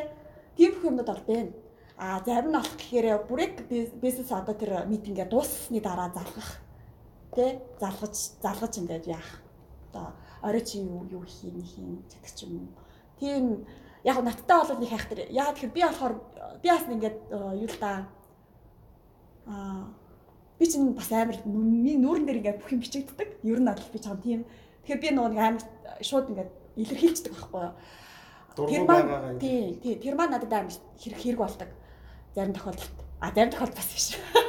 А Тэгэхэд маань зарим найз охтуудад болох гэхэр чинь тэд нар чинь ингээд яг өөртөө ингээд контролдоо тэгээ нүүрэн дээр юм бичигдэхгүй нүүлж амар юм урайлах юм тий ажлаа бүтээхийн тулд ингээд явчлаа. Тэгэхэд дараад нөгөөдөл нь амар адвентиж болсон тий. Нэг өсөндөө нөгөө эмгтэй бизнес хийж байгаа хүмүүс яг бизнес ярих гад ажил ярих гад орохоор өөдөөс нь хувийн харилцаа руу татах гэдэг гэсэн үг тий. Тэгэл бизнес ярих гад бизнесийн зарчмаар уулзч байхад орой яах гэж байгаа гэж залгаж байна гэдэг чинь чаа нэгсэндээ чиний бизнесийг сервислүүлж авахгүй хүндэтгэхгүй. Бас тий яг тийм байна гэсэн үг. Нэг нөгөө нөгөө утгаараа бас ажлаа бүтээг хийж байгаа бол надтай одоо ажлын биш харилцаа үүсгээрэй гэж санал тавьж гин гэсэн үг тийм. Тий, одоо вино ойл дааждаг ч юм тий. Амар тэгэл тэр чинь биш болчихж байгаа байхгүй угаасаа яг гэж вино авах юм. Тий. Тэгэл аа бас манай найзын тэр кейс кейсүүд бол бүр амар амар хэлээд юм л тэгэл би бүр хоол. Ярилцж байхдаа би түүнээс тулгараад байгаа энэ ялгуурлын асуудлаа яаж шийдсэн бэ гэж асуухтаа ийм хариулт авна гэж юусоо бодоагүй. Аа би болохоор ингэж байгаа. Би чинь нөгөө нэг партнертай байхгүй юу? Тэгээ тэр маань эрэгтэй. Бизнес партнер. Бизнес партнертай тий. Тэгээ бизнес партнер маань ер нь бол тиймэрхүү яриа хөрөө тий. Тиймэрхүүнүүдийг одоо би өөрт нь ч угаасаа хэлсэн өөрөө ч тэрүүний сайн мэдж байгаа. Тэгээд одоо надад бол тийм асуудлууд бол бараг гарахгүй болцсон. Тий. Тэр тэр хэмжээ одоо бизнес партнерч очиж уулзсан юм уу? Тий илүү уулзна. Аа тэгээд дээрэс нь битгаар аягүй хөөрхөн юм юу яадаг л да тоглолтууд хийдэг л дээ. Ер нь бол тий одоо яг ямар хүнтэй хин нь илүү уулзвал яах вэ те. Тэр чинь амар ясуутай айгу гой хүмүүс байна штэ. Айгу гой гой хүмүүс байна. Тэгээ тэр хүмүүстэй бол тэр одоо ахмад бүр айгу ахмад хүмүүсүүд бол намайг бол амар хөөрхөн сайхан охин байна да, амар тийм мундаг охин байна да гэсэн байдлаар харж байгаа хүмүүс бас байдаг байхгүй юу. Тэдэрт бол манай бизнес партнер очиод юм ярих Биш би баг очиод ярих нь амар гоё. Тэгээ би тэр хүнтэй ч гэсэн айгу гоё яриа өрнүүлээд айгу гоё намайг хүндлээд би ч гэсэн тэр хүний хүндлээд тий. Тийм бас юмуд бас байна. А зарим тохиолдолд бол бас хэцүү тийм ах нар бас байна. Тэгээд тэдэртэй олон шууд тэгээд бизнес партнерыгаа шууд явуулчихж байгаа юм чинь. Ажлаа хийхдээ хүнтэй уулзахдаа хүртэл хин очиж уулзах уу гэдэг бас ярьд юм байна тий. Тий, тий. Тийм. Гэхдээ угаасаа нөгөө Гэхдээ одоо ер нь нийт уулзж байгаа 100 хүний хэдэн хүнтэй чи уулзаад хэдэн хүнтэй тань илүү партнер чи уулзсан. Манай партнероо аха уулзалт дээр ер нь бол баг би бизнес партнерыгаа л илүү явуулдаг шүү дээ. Хэдэн хүнтэй? Аа за 30 70 60 70 30. Чи 30 хүнтэй ярьдаг. Би ер нь бол арт л байж идэм дөө арталт ингээд нөгөө бичиг paperwork-оо илүү хийгээл те. Гэтэ чамд илүү уулзах нь сонирхолтой санагддгүй. Арталтаа байсан тохиол. Үгүй би бас яг тийм юу биш юм бэлээ. Аа ингээл яриа хөөрөөл ингээл суугаад байх дуртай биш юм бэл. Нөгөө ингээл цагаа хараад би чинь амар юм яруу. Тэгээ тэр нь ингээд нөгөө хүн мэддэгдээд байдаг. Дээрээс миний утас чинь үгэлжийн дугаар чинь мэйлэр айгуух юм ирж идэг. Тэгээ нөгөө хүн амарлаа ингээ ярьжсэн чинь би ачаа шууд утлаа гаргал юм. Тэгээд тэгэхээр ер нь тэгэл бизнес партнер маань илүү явж ивэл амар зүгээр. Айгүй эмгтэй хүн биш, эрэгтэй болоод төрсэн байсан бол та одоо ингээд бизнес хийгээд амжилттай хуваараа гэдэг карьераа хөгөөд ингээд явж байгаа. Яг эрэгтэй хүн чиний бүх юм ижлэг гэхдээ хүсч л өөр байсан бол яг ийм ижлэгэн байх байсан гэж бодож байна уу? Би хамаагүй илүү амжилттай байх байсан баха. Яагаад? Яг тэр нөгөө хүмүүс одоо нийгэм маань угаасаа л эмгтэй хүнийг арай өөрөөр л хардаг шүү дээ нэгдүгээр а хоёрдугаар болохоор би одоо эмгтэй хүн одоо жишээл за нийгэм тэгж хардаг. Дээрс нь би өөрөө эмгтэй хүн гээд болоод төрсэн болохоор ч би яг ингээд өөрийнхөө санснараа ингээд зориглоод бүр ингээд 100% би ингээд бас явахгүй байхгүй. Тэр чинь надаа айх ичих зоох юмнууд амар байгаад байгаа байхгүй. Би эрэгтэй байсан бол бүр ингээд илүү те дээрэнглээ би ингээд чадна те ста нэрээ Тэгээд алаад өгөн тий яг үнэ алаад өгнө гээл тэгэл ерөөсөө залуучууд чинь угаасаа л ууж явахдаа бизнес ярьчихж байгаа хгүй тамхи татж байхдаа бизнесээ ярьцдаг тий. А тэгсэн чинь охтуудтай одоо надтай ч юм уу ингээд бизнес ярих гэхэр чи тэд нар чинь шууд ингээд формал байдал дээр тейбл дээр ингээд яг ингээд ширэн дээр ингээд суугаад тэгэхээр нөгөө чинь нэг өөр хүн болж жүжиглдэг байхгүй юу? А хэрвээ би эргэжтэйсэн бол би тэдэртэй яг тэр ширээн дээр бол амар хөөрхөн ярьж байгаа л гараад би тэдэртэй бол дундаа орцсон тий Игчүүд угаасаа л дийдэн штэ. Тэгэхэд би тэднэртэй дундаа орно гэж байхгүй байхгүй. Тэгэхээр ингээд амар тиймэрхүү юмуд байдаг штэ. Guardian Sony нийтлэл Мантхогийн зөвхөн ганц л асуудлыг буюу ганц бие явааг нь онцлсан. Гэтэл түүнтэй яг яриад үзэхээр ганц бие байгаа нь түүнд тулгараад байгаа амин чухал асуудал биш. Харин түүнд тулгардаг өдөр тутмын хүүсийн ялгарлал нь илүү чухал, илүү бодиттой асуудал гэдэг нь тодорхой болсон юм. Манай найз л зүгээр намайг юу санал болгосон юм шиг үлээ. Тэр Gardens-ийн сурвалжлагч угаасаа Монголд айгуу тийм богино хугацаар хурц ирсэн. Тэгээ дээрэс нь яг тэр хүнийг даад нь судлаад тахад бол шин шинэл юу репортер л хэлээ л дээ. Ер нь бол шинхэн. Тэгээд Аз Аз хүн байхгүй яг англиар ярьдаг. Сингапураас ирсэн баха тий. Байсан баг тий. Тэгээд яг уу намайг нөгөө нэг гаднаас ингээ яриад тэгээ Guardians гэдэг сэтгүүлч угаасаа өөр амар мундаг сэтгүүл болохоор чинь А тэгээ юуны талаар ярих юм гэсэн чинь ер нь бол жоохон амжилттай яваа залуу охтуудаас одоо тий хүүхнүүдээс ингээд ярьцлага авна гэж хэлсэн. Тэгээд гэтэн би мэдэж ирэг яа давай тий уулзъя гэд тэгээд яасан. Тэгээд би чи яг ротрийнхаа митинг дээр яж хахад нөгөөд чинь хурж иж байгаа хгүй юу. Тэгээд уулзаад суусан. Тэгээ суухад бол анх шууд ингээд нөгөө би яруу явамаа гэсэн байдалтай л надтай айгу тийм яруу тэгэл хоол мал цахиалж идэхгүйгээр шууд бизнес рүү орцсон ахгүй. Тэгэл нөгөө чинь надаас асуултууд асуугаал.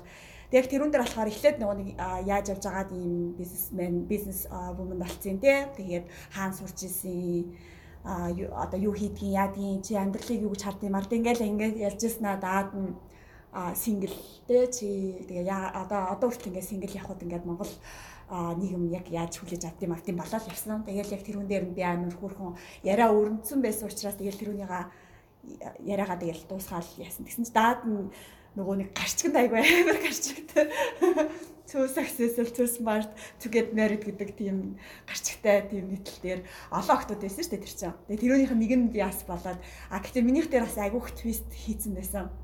Монгол залуучуудыг нэлээд одоо доош нь хийцэн юм шиг тийм ярилцлага гарсан. Тэгээ тэрүүнээс болоод манай найз одоо ирчүүд найзууд те бүгдээрээ ингээд гоморхоод те фейсбүүкээр бичээ залгаад чи өстө яагаад ингэж чи болохоор л баг гэсэн ингэж Тэгээд айгүй тийм тэр чинь нэлээд олон хоног болсон шүү дээ. Бараг сар мар. Тэгээд дараад нь би зүгээр мартцсан байж ах чинь дахиж үлгэж авчраа л те өөр бүр ингээд таньдаг бүр ингээд найзалдаг биш бүр шал өөр нөгөө нэг circle-ийн хүмүүс хүртэл ингээд зүгээр гадар явчихсан чинь нөгөө охин ч байна миний тэр болоод тэгээд тэгэл тэгчихсэн шүү дээ. Эсрэгийн амжилттай хитрхи өглөө төс хитрхи ухаантай хитрхи амжилт. Одоо хүнтэй суухад хитрхи амжилттай хитрхи ухаантай бүсгүүчүүдийн талаарх. Чи тэг ямаас тэгтээ юу чамд үзүүлдэг юм уу нийтлэхээс өмнө? Үгүй харин үзүүлээгүй. А үзүүлээгүй дээрэс нь бүр ингээд миний бүтэн нэрийг оруулчихсан шүү дээ. Үзүүлээгүй шүү дээ. Чам тань нэрээ оруулъя гэж хэлээг юм чи? Үгүй тийм юу ч яриагүй. Тэгээ амар юм яруу байсан юм аа. Тэгэл юусоо наттай чинь лаг хурдан яриад тэгэл бит хоёр нэг зураг би ч нөгөө зураг авах дуртай болохоор зураг авахлаа. Тэгэл. Тэр одоо артиклийн одоо саяны гол санаа шүү дээ. Тэрнээс санал нийлж гэнэ үү нийлэхгүй байна уу юу гэж бодож байна? Би яг үндэ бол мэдээж хэрэг Монгол залуучууд айгуу тийм одоо яг ингээд percentage wise ингээд тий яг хувьчлаад ингээд харах юм бол их их монгол залуучууд маань жоохон сул байгаа л да. Аа гэтээ аа одоо би тэгж амар тэгж уг нь хэлээг байхгүй юу? Би нь бүр юу ч хэлсэн бэ гэхээр би Монголдо хурж ирж Монгол залуутай сунаа гэж би бодоод ирсэн гэж нь хэлсэн чинь тэр үнийг ч бичээгүй. Айгу айхтар тэгэл Монгол залуучууд ер нь бол хэцүү ингээд нөгөө нэг ухаантай охтуудтай ерөөсө conversation яриа өрнүүлдэггүй айдаг те тэгээд ер нь бол тааргалдаг гэсэн тийм байдлаар бичсэн. Тэгээд тэр нүуний юм уу чи юу гэж боддог? Чиний амьдралын туршилтаар. Аа одоо чи бол угаасаа л айгу ухаантай боловсралтай successful woman шүү дээ тийм. Яг чамтай ирчүүд яа харцгаараа имээдэг үү айдаг уу? Тийм туршлага байдаг уу чам? Имээдэг айдаг. Тий. Тэгээд Тэгээ би тэрүүнийг нь ойлгодог л доо. Угаасаа Монгол одоо түүхээсээ ахуулаад одоо монголчууд бид нар чи угаасаа л одоо эр хүнийг айгу дээдэлдэн штэ тий. Тэгээ дээрс нь аавыгаа айгу дээдлэн, эр нөхрөө айгу дээдлэн. Аа тэгээд надад тэр нь тэр сенс нь айгу баг байж байгаадаг. Тэгээ би тэрнийг ажиж ойлгоод байгаа. Яа одоо би ойлгосон хэрнээ тэгэл ингээл нөгөө байж захта одоо ингээд залуучуудтай ингээд хөөрхөн дээдлээд байж захта ч гэсэн заримдаа би нөгөө би өөрөө жоохон алдаа гаргах те эсвэл ингээд илүү илүү ингээд нэг илүү мэдээд илүү ярих те тэгээ тийм юмнууд аюух байдаг. Тэгээ тэрүүнээс шууд залуучч аюу амархан аюу амархан шууд инээд нь шүү дээ. Бүр зүгээр. Тэр яаж мэдэх? Яаж мэдэх вэ? Аа яг тэ тэгэл next stage руугаа орохгүй л ахгүй гэж. Тэгээд дараад нь ингээл таарлахаар манай мандахаа угаасаа л мундаг тий мундаг штэ гэж гээл одоо тэгээ цаагаараа нэг юм хилээд байгаа байхгүй юу. Тэгээл тэгдэж. Тэгэхээр Монгол залуучууд ихэнх залуучууд нь өөрөөсөө жоохон доогуур эмгтэй хүнтэй л одоо үерхэж дотносож. Тий. Өөртөө нөгөө нэг доогуур ч гэсэн Монгол залуучууд өөртөө нөгөө нэг юм удирдаад аваа явах тийм дуртай байхгүй их бүр ингээд тэр чинь баг 80% юм уу да тий. Тэгээ нөгөө нэг эмгтэй хүмүүсүүдийг болвол яг ингээд гэртээ ингээд айгүй хөөрхөн үр хүүхдийг гаргаад те тэгээд өөрт нь эрхэлдэг, эрхлэнгүү, тэгээд өөрөөс нь айдаг, өөрийг нь хардаг, өөрөөс нь ингээд dependable те тийм эмгтэй хүнд айгүй дуртай. Өөрөөс нь хараат. Хараат тий. А тэгэхэд би ч болохоор ч нөгөө нэг шууд өөрийнхөө бодлоор ярьцдаг. Тэгэл тэгээд тэр тэрүүнээс асяад шүү дээ. Хүүшээ гайгүй залуу байвал танилцуулаарай гэж тэр огт санаа зовхгүй л дээ. Хөөш цагаан морьтой ханхуу гэж байхгүй шүү гэж бид тоглоомоор хариулдаг. Энэ яриа цаашаа огт ажил хэрэг болохгүй өнгөрхийг хин хин нь мэддэг. Түүний хувьд энэ 10 дугаар асуудал ганцаараа байгаа түнд бүх юм байгаа нь мэдрэгддэг. Түүний Instagram өдөр бүр сторигаар дүүргэн. Ялтан минээс ман тухай стори болгоныг бол гялалцсан. Ганц бие бүсгүүчүүдийг өрөвддөг, хөөрхийлдэг цаг үе арт хоцорсныг тэр гэрчлэнэ. Sex and the City кино аль хэдийн уран сайхны кино биш бодит амьдрал босныг гэрлэлт гэдэг институт эмэгтэй хүний хувь зайлшгүй шаардлага гэхээсээ жолоочийн хариуцлагын даатгал шиг болцсошгүй ялгуурлаас хамгаалсан даатгал төдий болж байгааг Мантхагийн түүх харуулна. Хүй ихтэй сайн би нөгөө тааштай арил дэндүү нөгөө юу ярьчихсан шүү дээ. Задгаа ярьсан уу? Задгаа ярьсан. Тэгэхээр зарим минут насан шүү.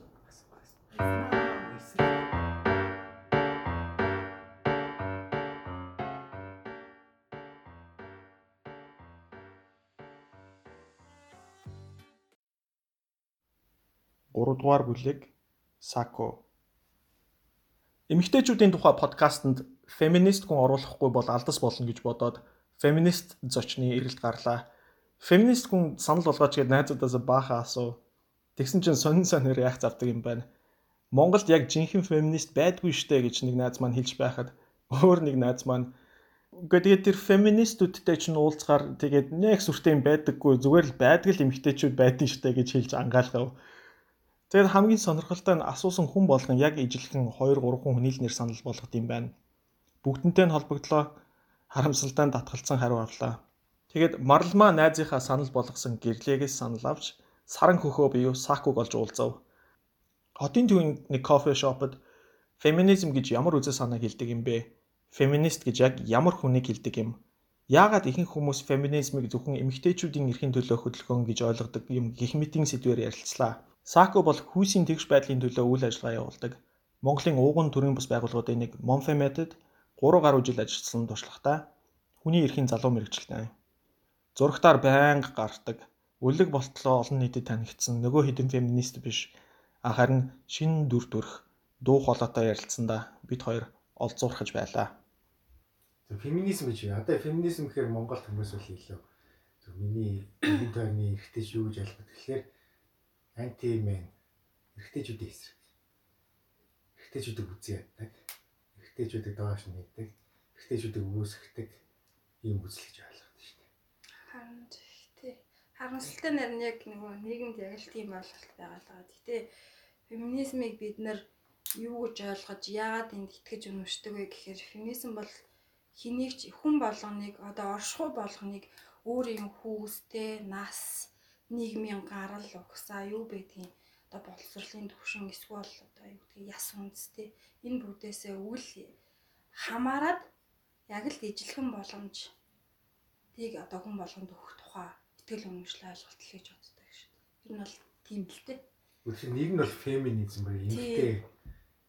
Яа тий феминизм гэдэг тэгэхээр яагаад нөгөө тий фемин буюу та одоо эмгтэй гэдэг утгаараа феминизм гэдэг шүү.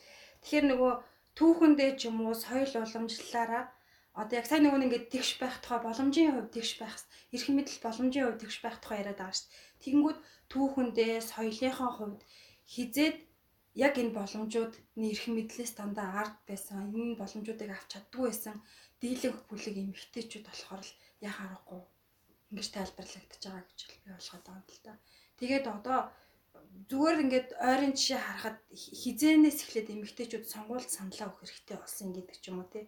Бүр харьцангуй бүр сүулт штэ бараг 50 жилийн өмнө 100 жилийн өмнө л бараг хүмүүс Монголд бол одоо 24 оноос. Тий 24 оноос хойш байна. Яг харьцангуй манах нэг онцлог нь ээж таарсан юм да аз ч юм уу юу ч юм мэдгүй ямар ч байсан манах хотынхаа бүр арай эрттэй орж байгаа.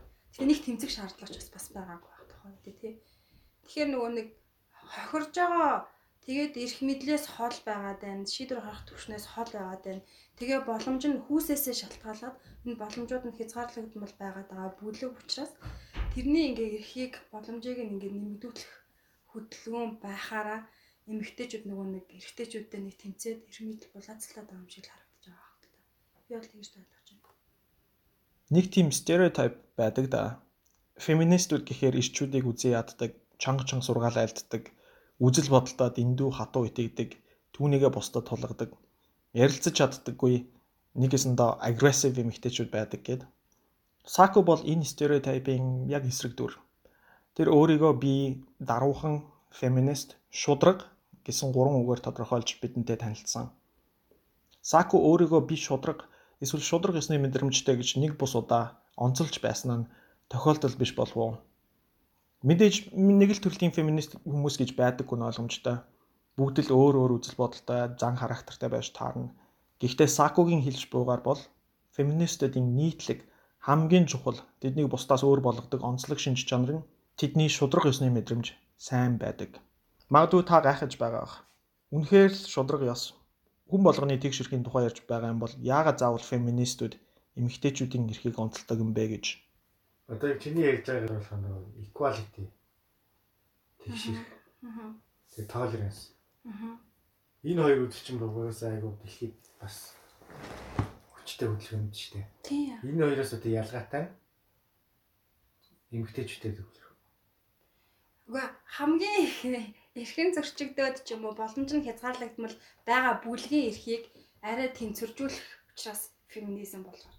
Тэр бүлэг хүүсийнхээ хувьд ялангуяа эмэгтэйчүүд өөрөө яг л тэгж хохироод байгаа, ард байгаад байгаа. Тэгээ одоо ч гэсэн нөхцөл байдал нь хэцүү те дандаа ямагт хойно байгаа даа. Тэгэд зөвхөн одоо эн чинь биологийн өгдөл байгаа штэ. Тэгтэл биологийн өгдлийг шууд хүчээр автоматар шийдээд хүү ухраас охин ухраас гэд ялгаатайгаар боломжууд нь ингээд ялгаатай байгаад байгаа үед бол тэрнийг ингээд заашгүй механикаар шийдвэрлэх шаардлага гарч ирж байгаа ш тий. Уг нь бол хинж одоо тоглоомын дүрмийг анханасаа тохироо тоглодог шиг бүх зүйл хэрвээ ингээд яг л эрэхтэйгш ямар ч хамаа ялгаагүйгээр олгогддог байсан бол феминизмын тухай ярихгүй ч байсан байж магадгүй анханасаа.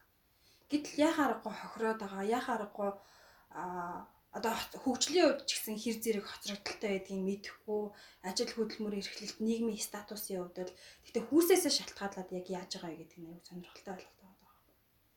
Одоо ингээ хоёулаа ингээ ярьж идэл чамд эргэтэй учраас ямар нэгэн давуу тал яалтчгүй байгаад байгаа байхгүй. Гэтэл яагаад биологийн хувьд бид нэр адилхан үйлдэлтэй ш. Чамд эмгтэй учраас бас давуу тал байгаа. Жишээ нь хүүхэд гаргах уу? Хөөр ямар давуу тал байж болох вэ? Эмгтэй учраас тий Залмигийн ажил мэргэжилтэд эмгтэй хүмүүсээ даваа талтай. Тэрийг бол даваа тал гэж би бол хувь хүнийхээ үднээс бол хардаггүй зүгээр л эмгтэй хүнд тохирох ажил гэж боддог ш. Жишээлбэл бид нэр шууд нөгөө нэг тодорхойлчихсан хүн болгонд уг нь бол хүний хүнд байдаг шин чанарууд байдаг ш. Зан чанар, шин чанарууд те инрэх ч юм уу, өрөвдөх, хайрлах, асрах гэл хүнээс гарч болох бүхэл шин чанарууд байгаад тахад зөвхөн эмгтэй хүнээс энэ илүү их гарах байх гэх те энэ эмгтэй хүн тохирох байх гэд давуу тал юм шиг харагдаж байгаа хэрний яг давуу тал мөн үгүй юу? Анханасаа л чиний байх газрыг чамайг чиглүүлж өсгөж байгаа бол яах вэ? Үйлчлэгээнээс салбарт ч юм уу те эмгтээчүүд дийлэнх нь байна гэх мэтлэнгээр тэгэхээр яг давуу тал мөн үгүй гэдэг юм шүү дээ. Хүн болж төрнө гэдэг хоёр төрлийн суглаанд оролцохтой адил гэж шудраг ёсны онол номонд философч Джон Ролс бичсэн байдаг да. Эцэг ихээс өвлж авсан генээс хамаарч бид өндөр нам, эрүүл сарвал биетэ төрхүү үгүй юу гэдэг нь цаанаасаа нэг төрлийн байгалийн суглаагаар шийдэгддэг. Энэ суглаанд та азтай бол эрүүл чирэг биетэй царайлаг бас өндөр төрдөг. Харин азгүй бол над шиг төрнө гэсэн үг. Үүнтэй адил бид ямар улсад хэдэн онд ямар айлд хэн болж төрхөө өөртөө бас сонгодоггүй. Азгүй бол бид ядуу оронд хизүү цаг үед ядуу айлд хүн болж ирээд тэр нь мэдээж бидний амьдралын боломжийг хязгаарладаг. Яг үүн шиг эмэгтэй хүн болж төрснийхэн төлөө нийгмээс боломжийг нь хааж ялгууртай хандаж байгаа бол мэдээж шудраг ёс биш. Тэгвэл энэ ялгаатай байдал хаанаас эхэлдэг юм бэ? Одоо нөгөө нэг жишээлбэл ингэ шийдүүлээ зүгээр бага хаас ч юм уу ээж авчин ч юм уу ээж ч ялангуяа биднэрт ямар үг хэлж хүсгэсэн юм бэ гэдгийг бодоход л бидний хаашаа явах юм байхыг ер нь бол чиглүүлчихэж байгаа байхгүй. Жишээлбэл эрэгтэй одоо манай ах дээр жишээлбэл би одоо аныг ахтай нэг эмэгтэй дүүтэй. Манай ах дээр болохоор одоо эр юм эрэгтэй юм чинь айлын том хүн юм чинь айлын том хүн учраас ах нь сайн явах хэвээр сайн явах юм бол дүүнэр нь дагаж явах хэвээр тэгээд одоо юу гэдгийг дарга болох хэвээр заавалчгүй амжилттай явах хэвээр тэгээд тэр амжилттай явах хэвээр гэдэг нь нэг арай өөр төвшний эмэг л яриад байгаа. Баян өсөн дэвжих тухай тэр хүнд хэлдэг байхгүй юу? Чи одоогийн төвшнөөсөө баян агчих хэвээр гэдэг ч юм уу те. Тэнгүүт ингээд эрэгтэй хүн байраа бэлтэх хэвээр байраа бэлтгэхийн тулд сайн хөдөл мөрлөж илүү их мөнгө олох хэвээр энэ тэргээд ярьж байгаа байхгүй юу? Тэнгүүт надад болохоор дийлэнхтэй хэлдэг юм гэрээ цэвэрлэх хэвээр байдаг. Ээж болох хэвээр байдаг хүндээ суух хэрэгтэй байхгүй. Тэнд миний хөгжлийн тухай юу яригддаг өгнүүд ерөөсөй байгаагүй байхгүй. Тэгэхээр айгүй шудраг бус болчихж байгаа байхгүй. Тэгэнгүүт би ч гэсэн хөгжмөр байна. Би ч гэсэн одоо дэлхийн ертөнцид танилцмаар байна. Инээ тэрэ гэл тэх юм бол эмэгтэй хүн одоо манай ээжийн хэлдэг шилдэг үг гэдэг байхгүй. Хүүхэд гаргаагүй эмэгтэйн доогуур салхин доогуур хүн гардаггүй гэж ярьдаг байхгүй. Тэгээ би яг тоглол та миний салхин доогуур гарахгүйгүй юм гэлж юм уу те. Тэгээ яг жоохон эсэргүүцдэг нь тэгээд эмэгтэй хүн ер нь хүн бол амьдрах гэж л төрсөн. Тэгэхээр заавалчгүй эмэгтэй хүн гэдгээр бас хүүхэд гаргахын тулд бид нар бас төрсөн биш шүү дээ тий адилхан хүн байхгүй. Тэгэхээр энэ би өөрөө хүүхэд гарахгүй хүнтэй суух гэсэн үг биш. Гэхдээ гол нь энэ бол зөвхөн сонголтын асуудал байхгүй. Хизээ яах вэ? Хизээ хүүхдтэй болох гэдэг чинь миний сонголтын асуудал. Би бэлэн болсон хойноо. Тэгээ би чадамжтай болсон хойноо. Тэгээ тэр чинь бас амар том хариуцлага шүү дээ. Гэтэл зүгээр л ерөөсөө л 20 гараал эхлэнгүүт л хүнтэй суух ёстой болоод эхэлж байгаа байхгүй. Адаглаад л одоо ингээд бие даах тухай яригдэл да шин одоо эргэтэй нь байраа бэлтдэг гэл те хүнтэй суухаар чинь тэр чин залуучууд бас амар том дарамт болно ш. Дахиад буцаал те гендер ихэр ганцхан эмэгтэйчүүдэд л асуудал байгаа юм шиг яриаддаг. Буцаагаад эргэтэйчүүд ч гэсэн тэр нэг заавалчгүй амжилттай байх хэвээр нэг бас те нэг одоо нэг гой ганган хувцлаад нэг машин тэрэгтэй байх хэвээр болчих чинь байраа бэлдсэн байх хэвээр болчих чинь тэгээгүй бол ир хүн биш юм шиг те тэгж хараад байдэ. Гэтэл тэгэнгүүтээ буцаагаад эмэгтэйчүүд нь бараг тийм л хүнтэй суух юм шиг ингээ мөрөөдөл те. Тэгээ тэр дүрээ нөгөө эрэгтэйчүүд найз залуу өөрт нь ингээ дууралж байгаа сонирхож байгаа залуучуудаасаа шаардаад тэнцэхгүй бол нөгөө залуучууд нь бараг те энэ эр хүн биш. Бараг жинхэнэ эр хүн ийм л байдیں۔ энэ гэж яадаг аахгүй. Гэтэл бид нэр зүгээр л хүн штэ те буцаагаад. Тэгээ одоо ингээд эмэгтэйчүүд ч гэсэн одоо байраа авч яагаад болохгүй гэж чадж байгаа юм дээр штэ те. Гэтэл чи эмэгтэй юм чинь манай ээж авлага тэгжилжсэн чи эмэгтэй юм чинь чи байр авах шаардлага байхгүй шүү дээ нөхөр чинь байрч авч шүү дээ Тэгвэл би хүнтэй суухгүй бол яах вэ? Яг зүгээр ер нь те суухгүй бол яах вэ? Тэ надад боломж нь байгаад би чадаад авч чадчихвэл тэр ер нь хин авах нь хинд ер нь хамаатай. Битүүр л амьдрах гээд байгаа шүү. Тэгэхээр нөгөө ерөөсөө л эрэгтэй хүмүүсийг нэг юм байх хэрэгтэй гэд анханаас нь ингээд замын заач чинь майндсеттэй ингээд сэтгэлгээг ингээд заагаад төвчөө хүмүүжүүлчих чинь нөгөөд нь яг л тэр хайрцагны дагуу ингээл тэр дүр тоглох гол ятраал зовоол те. Эмэгтэйг нь ахаал нэг юм байх хэвээр гэл. Хоёр нэг тийм төгс дүрдэл тоглох гад. Тэнгуүдээ нөгөө хэд нь хоорондоо ингээ яг зогсож чадчихэв үгүй юу. Тэгээ би одоо жишээ нь яг хүмүүсийн хүсдэг шиг тийм төгс эр хүнийг хайгаагүй байтал нөгөө эрэгтэй тэр төгс дүрдээ тоглоход хичээгээд л хоёр хизээч болохгүй л ахгүй хүн мэдээж би феминист гэж орлоо төрдөггүй. Бидний туулсан амьдрал үдсэн туршлага маань бидний итгэл үнэмшил ертөнцийг үзэх үзэлд нөлөөлдөг нь ойлгомжтой. Тэгвэл Сакугийн хувьд тэр яагаад феминист болсон юм бол түүнийг феминист болоход юу нөлөөсөн юм бол хизээ өөргөө феминист гэдэг юм. 2015 оны 8 сарын 11-нд. Яаж гэж тодорхой мэдээ. Яагаад гэхээр аа түрүү би яг ярьжсэн ш нөгөө өөрийнхөө одоо төрөлхийн ялгаатай байдлаас болоод ялгарлан гадуурхагдчихсэн гээд. Ямар ялгаа вэ? За төрөлхийн нүднийг эмгэлтэй төрөөд тэгээд би нэг 3 наснаас өмнө нэг хаалгаанд орж исэн. Тэгээд одоо ингээд нүдэнд мас 20 байдаг. Тэгээд яг одоо бас 20 байгаа. Тэгээд бүтцийн үед бол бас жоохон яг нормал одоо нөгөө хим химжээтэй нүднээс арай өөр нүдтэй одоо гадаргуу нарай өөр гэх юм да. Төрөхтөө миний нүд нөгөө хэвийн хэмжээ биш цагаан нь харагдахгүй зөвхөн харна харагддаг тийм жижигхэн нүдтэй төрчихсөн байхгүй. Тэгээд яг ээж тайлбарлахдаа ээж намайг 3 сартай гизэнт нь 3 сартай би 3 сартай байх үед саксны тэмцээнд орох гээд гидсэн аяух чангаар баадганд яваад нөгөө тасгалжуулагчаасаа нуугаад тэрнээс болоод миний одоо энэ өсөж хөгжих байсан үе дээр нь ингээд барьснаас олж тэгж удааширсан болов уу гэж би одоо ойлгоод байгаа. Тэгж тайлбарлаад байгаа. Яг яагаад тиймийг мэдэхгүй шүү дээ. Тэр чинь тэгэл төрчихөж байгаа юм чинь. Тэгэнгүүт нөгөө нэг тэр үед Германы эмчнэр онгоцтой явж хагалгаа хийдэг байсан үе таарад. Тэгээ би одоо азар тэр хүмүүсээр хагалгаа хэлчихсэн. Тэгээ тэр хүмүүс хагалгаа яаж хийсэн бэ гэхээр миний одоо хоёр уртлын одоо зохин нүдний уртлын хэсэг байгаа шүү дээ. Тэрийг уршин ингээд сэтэлж зүсээд тэгээд дээдл доотлын зохиноос нь ингээд татаж ойсон байдаг байхгүй юу? Томруулах. Томруулах операц. А гэхдээ нөгөө тухайн үед хүү сайн хөгжөөг байсан болохоор сорвин тэр чигээрээ дээдл доотлолтой үлдчихсэн. Тэгээд нөгөө татаж ойсноос болоод миний нүд бүрэн нэгддэггүй байхгүй юу? Ер нь одоо ч тэр. Ямар ч гэсэн ихнэлгсэн хяналтанд бараг 16 хүртэл бол байсан. Татаж ойсноос болоод нөгөө нэг юу адаг бас нэг шинж тэмдэг нөгөө дандаа уйлж байгаа юм шиг нулимстай юм шиг харагддаг. Тэр нөгөө татаж ойсноос болоод юу адаг нулимс нь нулимсныхаа суг руу орж чадахгүй аягаад үрчээд идэг. Баян нулимсаа арчдаг хүүхдээ байсан. Тэнгүүд ингээд гуурс муурс хийгээд ч юм уу сэтлээд ч юм уу нэг тиймэрхүү жижиг операц сүүлд бол хийгдэжсэн. Тэгэхээр нөгөө харагдах байдлын үед сорвтой байсан. Одоо нөгөө будчихж байгаа болохоор харагдахгүй. Тэгээ ажил мажил дээр нь бол будаггүй байх үед бол нэг их сонирм биш л те зүгээр идэг. Одоо бол би өөрөөсөө ичдэг гэсэн одоо солирч юм өөр тийшээ ардаг улаадаг тийм юм одоо байхгүй зөвхөн хаалгааны улмөр үлдсэн. Тэгээд тэрнээсээ болоод нөгөө гадуурхагдчихсэн тохиолдлууд бас байгаа да найзгүй байх байс байсан. Тань нөгөө түүгээ ярхан тэгээд найзгүй байсан. Найзгүй байсан. Тэгээд хоёрдугаар ангид манай ангид нөгөө би англи хэлний сонгоны ангид нэгдүгээр ангиас 10 жил сурч байсан. Тэгээд хоёрдугаар ангид тэр охин шилжирч манай анги багш гэсэн ахгүй чи энэ охиныг хоцрогдлыг найруулахад туслаад ингээд найзл яв гэд. Тэгээд дөрөвдүгээр хүртэл дөрөвдүгээр анги хавар хүртэл яг байж аваад хавар надад тэгчихсэн. Би одоо чамтай найзлахгүй. Шаардлагагүй болчихлоо. Чамайг онцордог болохоор найзлдаг гэсэн. Одоо бол би өөрөө онцордог болчихсон болохоор чиний хэрэг байхгүй гэж хэлээд тэгээд наа тэгээ би нэг гэртээ бүтэн өдөржин уйлж сайраад тэгээд тэгээд яг би тэгж бодсон. За ингээд би ингээ найзгаа олчлаа ингээ дээрлэх үйлчлээ. Тэгвэл одоо ингээд энэ байдлаас гарах хэрэгтэй гэд нэг мэдхтэй болж тэ одоо ангийн дараа суршийн зүйлийн дараа гэх мэт чинь ингээ ийм үүргүүдийг гүйцэтгэж иржсэн. Гэхдээ бас яг шууд тийм амар дардан байгаагүй байхгүй. Тавдаар ингээ дахиад нөгөө охин чинь намайг би нэг урлагийн үзлэгт бүжгийн бүжгийн багт орох гэсэн чинь тэрний найзлдаг охин нь хасагдцсан. Тэгээ манай ангийн хамгийн хөрх охин байхгүй.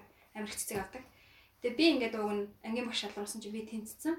Тэгээ ангийн багш ингээ бэлтгэлээ хийгээ орхисон чинь манай ангийн бус доктортоо нээж аваад намайг гадуурхад намайг бүжгийн багаас хасчихжээ байхгүй. Тэгээ хоёр дахь хараад уйлж байгаа. Тэгээд за өөртөө амлал за би одоо ингэж дээрлэхүүлж болохгүй. Нэг мэдхтэй болоод энэ ингээд намайг дээрлэгчсэн бүх хүмүүс ингээд намайг буцаад хүндэлдэг.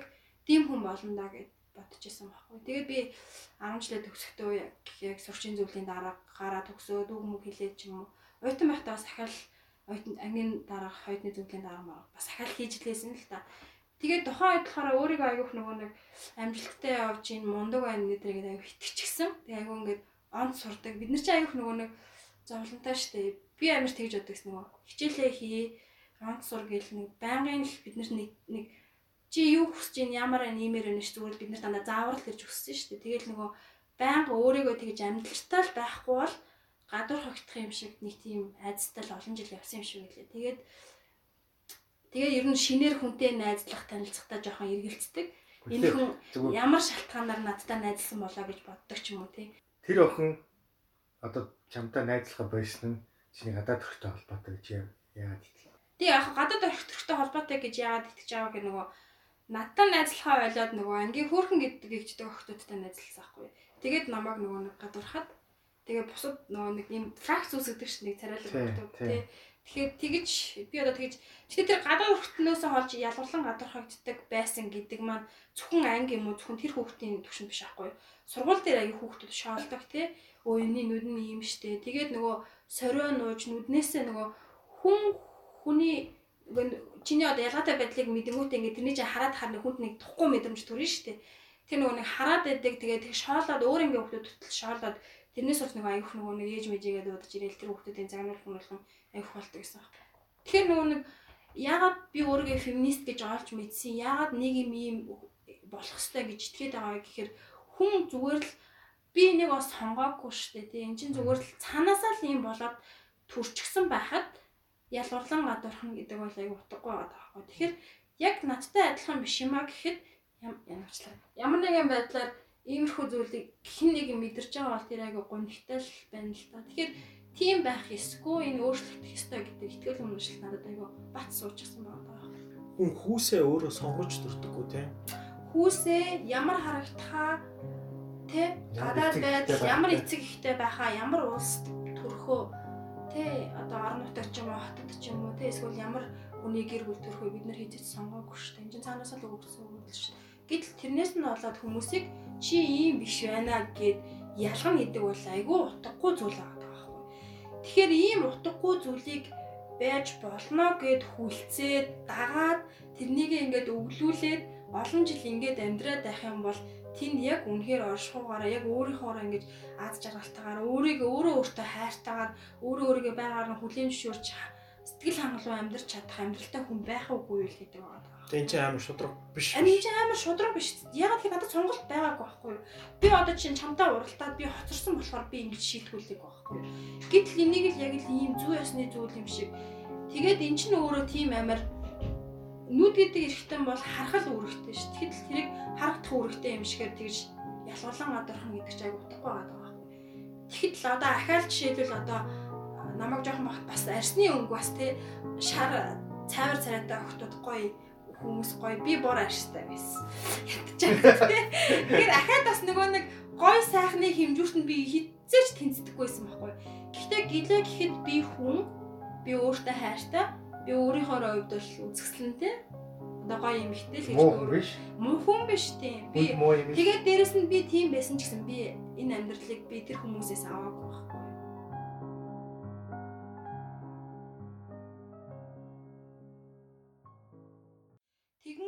тэгж явж аваад би яг Mofnet-д орсон 2015 одоо нэг амьдралынхаа циклийг бодохоор 2015 оноос өмнөх би тэрнээс тэрнээс хойших би гэж хоёр байгаа боддог байхгүй. Яг надад юу өгөө гэх тэгэхээр өмнө нь ерөөсөө ийм байсан юм байна. Гэтэл одоо ерөөсөө л ийм шудраг бус ийм зүйлийг л өөрчлөхийн төлөө би амьдралаа зориулах юм байна гэдэг итгэл үнэмшилтэй болчихж байгаа байхгүй. Тэгэл миний бүх зүйл яг л тийшээ чиглэж байгаа. Тэгэл нөгөө нэг тэ хамтран зүтгэх хамтдаа тэмцэх тийм хүмүүстэйг ингээл ойр байгаа ч юм ингэж үрт. Бид нар хамгийн гол нь тэр нэг итгэл үнэмшил зориг гэдэг чинь тэрнийг ямар ч мөнгөөр хинч худалдаж авч чадахгүй бат суужсан зүйл байгаа. Мөнгө амлаад ч хийлгэж чадахгүй надаар. Энэ ширээ шудраг бос бол гэдэг ч юм уу тий. Тэгэхээр бид нар энэний одоо надад өгсөн хамгийн чухал зүйл нь тэр л байгаа. Би энэс хизээч хичихгүйгээр яагаад гэвэл хүн болгонд л яг л адилхан иймэрхүү мэдрэмжүүд байсан байж магадгүй. Шудраг ёсны мэдрэмж гэж ярьсан шүү дээ. төлөх мэдрэмж байгаа. Тэр одоо ингээд хүн шудраг ёсны мэдрэмжтэй төрт юм уу? Эсвэл зөвхөн шудраг ёс шудраг бус зүйлээр хүн амьдралаа туулаад ирэхээр хүн өөрөө ингээд мэдрээд эхэлт юм уу? Энд чинь шудраг биш байж тээ гэд тэгээд ингээд шудраг ёсны мэдрэмжтэй болж эхэлт юм уу? Өөрөө заавал туулах хэрэгтэй юм уу? би энд хариулахад айгүй төвхтэй. Ягаад тэгэхээр аль аль нь байх боломжтой шүү дээ.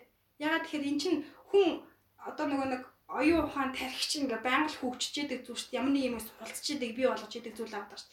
Нэг бол би гэр бүлийн хүмүүжлээс ч юм уу ингээ те ээж аавынхаа үйлдэл ээж аавынхаа хэлж байгаа зүйлээс сурж болно. Шудраг бус зүйл дээр үгүй гэж хэлэх хэрэгтэй. Хавхал авч болох хэрэгтэй гэдэг чинь наазахын зүйл байна. Аа нөгөөх нь болохоор хин нэгний амьдралын явцад ямар нэг хэцүү зүйл тулгархад тэрнийг даван туулах процесст хүн ямар нэгэн ихтгэл үнэмштэй болоод надад ийм зүйл тохиолдлоо гэхэд бусдад хизээж битээ тохиолдосоо гэдэг ихтгэл үнэмштэй улмаас тэр шудраг бус зүйлийн зүйлийг арилгахын төлөө ажилласан байгаад байгаа байхгүй би одоо жишээлбэл шүү дээ.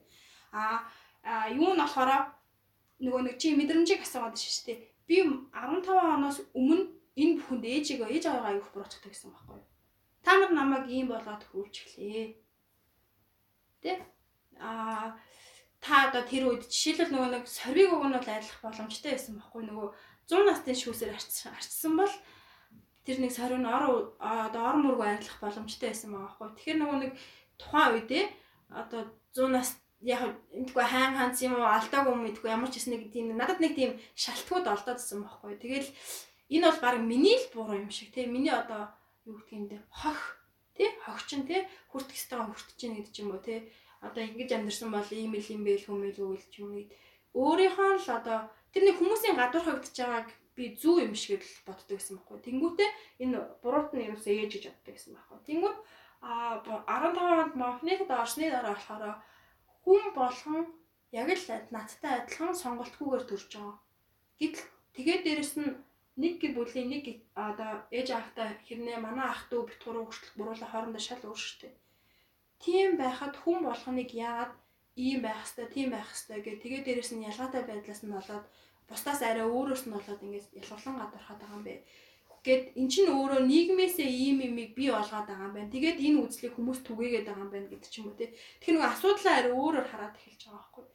Тэгмүүд нөгөө ээж аваагаа ойлгож эхэлж байгаа байхгүй. Тэгээд дээрэс нь бас ахаад юу гэдэг нөгөө дунд хүүхэд болохоор айгүйх нөгөө нэг юу яг тэр нэг нэг тэмцэгч чанар суудсан юм шиг байгаа ш. Тэнгүүдээ нөгөө айлын дунд хүүхч ахаад нэг тэмцэх хэрэгтэй болчихно нөгөө томч биш, багч биш нэг дунд хүүхдүүд чинь нэг гомдлын мөртөө яваад байдаг ш. Тэгэхээр нөгөө шовтер тий шовтер болохоор нөгөө аюу эртнээс бие дагаад эмнэлэгт дэмжид үзүүлэхэд хүртэл өөрөө ингээл ганцаараа эцэг ихгүй яваад очих ч юм уу тий. Тэр болгондоо би амар олон жил эцэг ихийг буруутгадаг гэсэн байхгүй. Намайг тоосонгүй, надад анхаарал хандуулсангүй, нийтрээ гээд айгүйх буруутгадаг. Тэгээд тэр хэрээр ээж автагаа тийм гоё харьцдаг байсан байхгүй. А 15 оноос хойш мофет орснош намайг хүн болсон гэдэг нь ээж аваа ч гэсэн ойлгож байгаа байхгүй яа тэгэхээр ээж аваа тэр үед өөр сонголт байгаагүй амьдралын ирэхээр ажиллах хэрэгтэй байсан цаг зарцуулах боломж байгаагүй яг л бусдад адилхан тийм л байсан үед тэнгууд би ээж аваа болохоор надад анхаарал хандуулсан гэж яг. Тэгэхээр нөгөө юмыг харах үнцэг өөрчлөгдөж тэлж тэгээд Дээрэс нь ийм шудраг бос зүйлүүдийг өөрчлөх ёстой гэдэг итгэл үнэмшил болохоор илүү баталаад байгаа. Тэнгүүд би өөрийгөө за би тэгж боддог хүн аа тэгвэл би тэгж боддог учраас феминистүүд тэгж итгэдэг учраас би феминист хүн юм байна. А өөр надтай адилхан феминистүүд ямар хүмүүс байна гэл тех тусам нөгөө нэг би биенийхээ одоо юу юм бэ? Би биенийхээ ганцаараа биш гэдгийг л мэдэрч байгаа байхгүй. Бид нар тийм цөөхөлөө биш. Тэгэхээр ахаал дахиад хэлээ феминист хүн феминизм бол ерөөсөө л эмэгтэйчүүдийн эрхийг хамгаалахын төлөө хөдөлгөөн бол ерөөсөө биш. Тэр тэр дотор нийгэм нийгэм чи өөрөө олон янз олон бүлгүүдээс бүрдэж байгаа. Тэр бүлгүүдийн тэ эрх ашигын зөрчигдөхгүй тийм шудраг хүмүүн л иргэний яатсан нийгмийн төлөөх хөдөлгөөн байгаа даахгүй. Зүгээр феминизм, фемини фемини гэдэг үгнээс болоод зөвхөн эмэгтэйчүүдийн төлөөх гэж ерөөсөө бодож болохгүй. Тэгээд дээрэс нөгөө нэг тоон дээр анхаарал нэг эмэгтэй эрэгтэй хоёр хүн уралдаал нэг 50 50 болох гол эсвэл нэг тооны харьцаагаа тэнцвүүлэх гэдэг юм шиг ойлголт бол ерөөсөө биш. Ямар нэгэн зүйлийг те тунгийн тааруулаад боломжийн нийжил тэнцүү олгосон зүйл л өөрөө одоо шудраг байх боломжтой шүү дээ. Тэгээ ямар нэгэн механикаар тэр зүйлийг алдагдуулсан байх юм бол айгүй хэрэгтэй болоод ирэх байна л та. Тэгээ өдрөг тутамдаа Хүмүүс тэгээд нөгөө түрүү ярьж ирсэн ш нөгөө түрүүн жахаа би ярьж ирсэн нэг нэг харамсалтай санагддаг юм нөгөө цэрэхтэйс байхгүй хүмүүсийн эрх зөрчигддгүү гэж эмэгтэйчүүдийн эрх хангалттай байгаа гэж яриад байдаг ч гэсэн өдөр тутамдаа бид нар яг бидний эрх яг яаж зөрчигдөж байгаа гэдгийг ерөөс анзаардаггүй зүр хүлцээл яваад идэг юм шиг надад санагдаад тий. Тэгээд нөгөө феминист өнцгөр харна, дүн шинжилгээ хийх үед энэ үед яах байсан бол тэр үед яах байсан бол гэж бодож ирж байгаа юм л да. Жишээлбэл одоо ингээл гудамжинд ингээл явж хахад эрэгтэй хөө миний бийг хамаагүй бүрж авах үед болохгүй штэ гэд одоо хэлэх ёстой штэ. Айдас байгаа хэлж чадахгүй. Ингээд таг гацаалч юм. Би бол яг тийм тохиолдолд өртөжсэн тэгээ нөгөө мит хүмүүгэн шиг ингээл яг ингээд гадуур орой үеийн цагаар эмэгтэйчүүд чөлөөтэй зөрчиж чадчихэв үгүй юу гэдэг ч юм уу те. Тэгээ ямар нэгэн байдлаар яг алхам тутамдаа орчин бүрд яг яаж эрхэн зөрчигдөж байгаа яаж боломж нь хулгайлагдж байгаа вэ гэдгийг бид нэр харж чадахгүй байгаа мөртлөө өөрсдийг аюу болж юм бидний их хангалттай сайн байна гэд хараад дэмжсэн. Одоо нөгөө талаа феминистүүдийн бас нэг хардаг үнцгэн нэг тийм айгүй нөгөө жинхнээс хүмүүнлэг нэрнгүү нийгэм хүсээд байгаа байхгүй.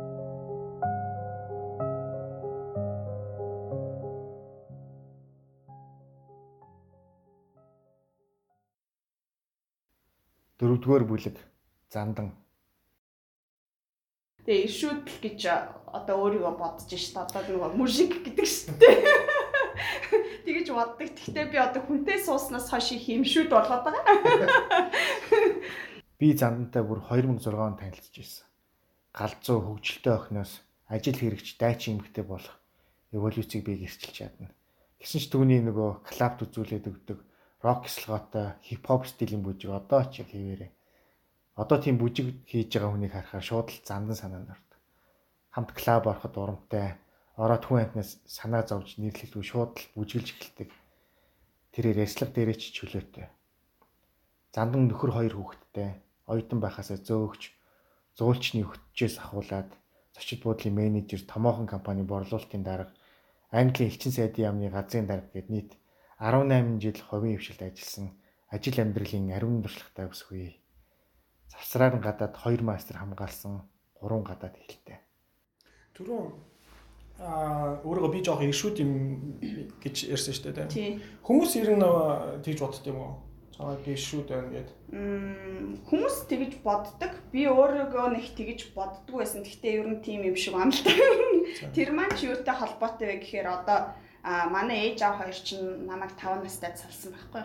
Тэгээ би гэртээ бол би өөрийн үзэл бодлын хувьд ч гэсэн үзэл бодлын хувьд ч гэсэн ер нь эмэгтэй хүн бол заавал тэгэл эрэгтэй хүнийг ингээл те яг адилхан байдаг гэсэн тийм үзэлтэй болж төлөвшсөн гэх юм да. Ягаад тэгэхээр би гэртээ эрэгтэй хүний хийх ажлуудыг эрэгтэй хүний гэж тооцогддог ажлуудыг хийчдэг байсан. Одоо жишээлбэл ингээл ханын шкаф байлаа гэхээр яаж иж байгаа л дрилтэхгүй ч гэсэн олон хадаас хадж байгаа ч гэсэн тогтоочдөг л байсан байхгүй юу тэгэл нэг ямар нэг асуудал цаг эвдэрлээ гэхээр би оролцоор байгаа засчдаг байсан Аав чи яаж зассан бэ? Юу төө тэгээ Аа манай аав бол нэлийн их уудаг байсан. Тэгээд ээж болохоор тийм тэгэл уудаг байгаа л ээж болохоор тэр ууснаас нь болж хэрүүл хийдэг байсан. Тэгэл тэр хоёр сүүл рүүгээ тархаа байсан. Ер нь бол арх гэдэг юм чинь бас химтэй хэрэглэхгүй л айгу тийм асуудалтай ундаан байна. 5 настай байсан гэсэн дээ. Тэгээд ер нь сая хэлсэн шүү дээ. Салт гэдэг хүүхд дээр айгу хүнд тусдаг юм байлаа. Би өөр дээрэж яваад ярих тэгээд ярьсан. Тэгээд энэ сайн сандаг уу тийм. Би сайн сандаг би бараг нэг настай юм ач гэсэн сандаг байсан. Зарим юмэг тийм нэг настай байсан үеийг бас сандаг. Айгу тод сандаг. Тэгээд тийм ер нь бол хэцүү байсан. Тухайн үед ингээл хичнээн тэр хоёр хэрэлдээд байхдаа хэцүү байсан ч гэсэн яг салах үед би бол асар их уйлж исэн байхгүй. А тэгтээ яг тэр талаар би ингээд ерөөсөө хинт ч нэг ингэж ярьж байгаагүй мэн одоо тэгсэн орондоо яа. Эм тий ер нь бол хүнд тусч байсан л та тухай үед. Тэгээ би аавгүй болох юм уу гэж уулж яснаа санаад байгаа байхгүй. Гэхдээ юу гэж аавгүй болох юм бэ чи тэгээд аав нь бэж л байгаа штэ гэл Тэгтээ тэгэл салсан хүмүүсийн амьдрал угаасаа тэгэл ер нь бол тэгэл ээж дээр өсөж байгаа юм чинь тэг нэг аавны оролцоо байхгүй болчихж байгаа юм чинь ингээд яг 90 он гараад манах нэлээд хэцүү байсан л та. А 90 оноос өмнө чинь ингээд хамаг юм тодорхой цалин бол сайн байвал те ингээд тодорхой хэмжээний өөрийнхөө юм ажлыг хийж ийл гайгүй тийм үе байхад бол сайхан л байдаг ус. Миний хүүхэд нас бол үнэхээр сайхан өнгөрсөн л тоо. Гадаа тоглоол би одоо ээжтэйгээ тэгэл арай манай ээж аягүй их тамхи татдаг. Ер нь тийм нөгөө а ер нь жоохон баруунчсан гэх юм уу? Орос дугаасаа сургууль төгссөн. Тэгэл яг тухайн үедээ бол Орос ч баруун л байлаа шүү дээ. А тэгээд Орост одоо философор төгсөж исэн. Тэгээд тэгээд багаас минь одоо ном шүн шүн болтол ном бичээл ч юм уншаал сууж идэг. Би дагаал ном уншиж идэг. Тэгээд салалт бяцхан занданд хүн туссан ч тэр бодлого биеэ дааж ямар ч нөхцөлд хинээс ч хараад бос иршүүд бүсгүй болж өсчээ. Гэхдээ зандан гаднаас нь хараад хинч түүнийг иршүүд гэж дүгнэхээргүй жижигхэн төрхөн бүсгүй. Гэвч 10 минут уулзаад ярилцвал түүний гадаад үзмж нь зан чанартай ногт нийцгүйг мэдэрч болно. Ялгуурлалт хүрсэн эмгтээчүүдийг буруутгадаг нэг үнцэг байдаг. Хит өрөн дуудсан, өдөн атгсан байдалтай байсан, задаа ховцсон, хит найланхаа эмгтээлэг байсан гэх мэт. Хэрвээ энэ үнэн бол зандан шиг үзэл бодлоо шууд хилчдэг, иршүүд мужик хүн ялгуурлал дарамтаас ангид байх хэвээр. Аа дээрэс нь бас юу ажиглагдчихсэн бэ гэхээр за ингээл нэг танихгүй одоо дэлгүүр харилцагч дээр очоод би нэг юм ярих нэг өөр аа эрэгтэй хүн очоод ярих шал өөр байдаг. Ямар яаж үргэлжилсэн? Шууд хүлээж авч байгаа байдал нь бол өөр байсан. Одоо жишээлбэл би яваад очиход за нэг годгон сан охин ч юм уу тэгж хардаг ч юм уу тий. Аа тэр маань за зөвхөн тэр одоо тэр те дэлгүүрүүд дээр очиод харилцагчтай уулзахад ч биш те. Би англи хэлчин сайдын амд бас гайгүй алтан тушаал хашчихлаа ш. Тэгэхэд чинь яам тамгын газруудаар бол ялангуяа бүр их тодорхой мэдэг мэдрэгжсэн. Очоод уулзаал те жишээлбэл ингээл яамны хүмүүстэй уулзсан гут чинь за би ингээд тэ барууны одоо за англиас ирсэн компаниудыг дагуулад тэрийг одоо зохион байгуулад ахлаад ч юм уу тэ очоод Тэгэхэд жишээлбэл за яг элчин сайдтай очих тохиолдолд бол тийм би бол угаасаа тий намайг бол хажууд нь орчуулагч маягаар ингээд хүлээж авдаг. Тэгтээ орчуулагч маягаар байсан ч гэсэн эмэгтэй хүн болохоор ч юм уу те бүгдээрэнтэй гар барингуудаа надтай гар барьдгүй ч юм уу те бүгдээрэнд нь нэрийн хуудас өгчөнгүү те надаа өгдөг ч юм уу те гэтэл одоо за тэр компаниуд чинь ирээд явчихна.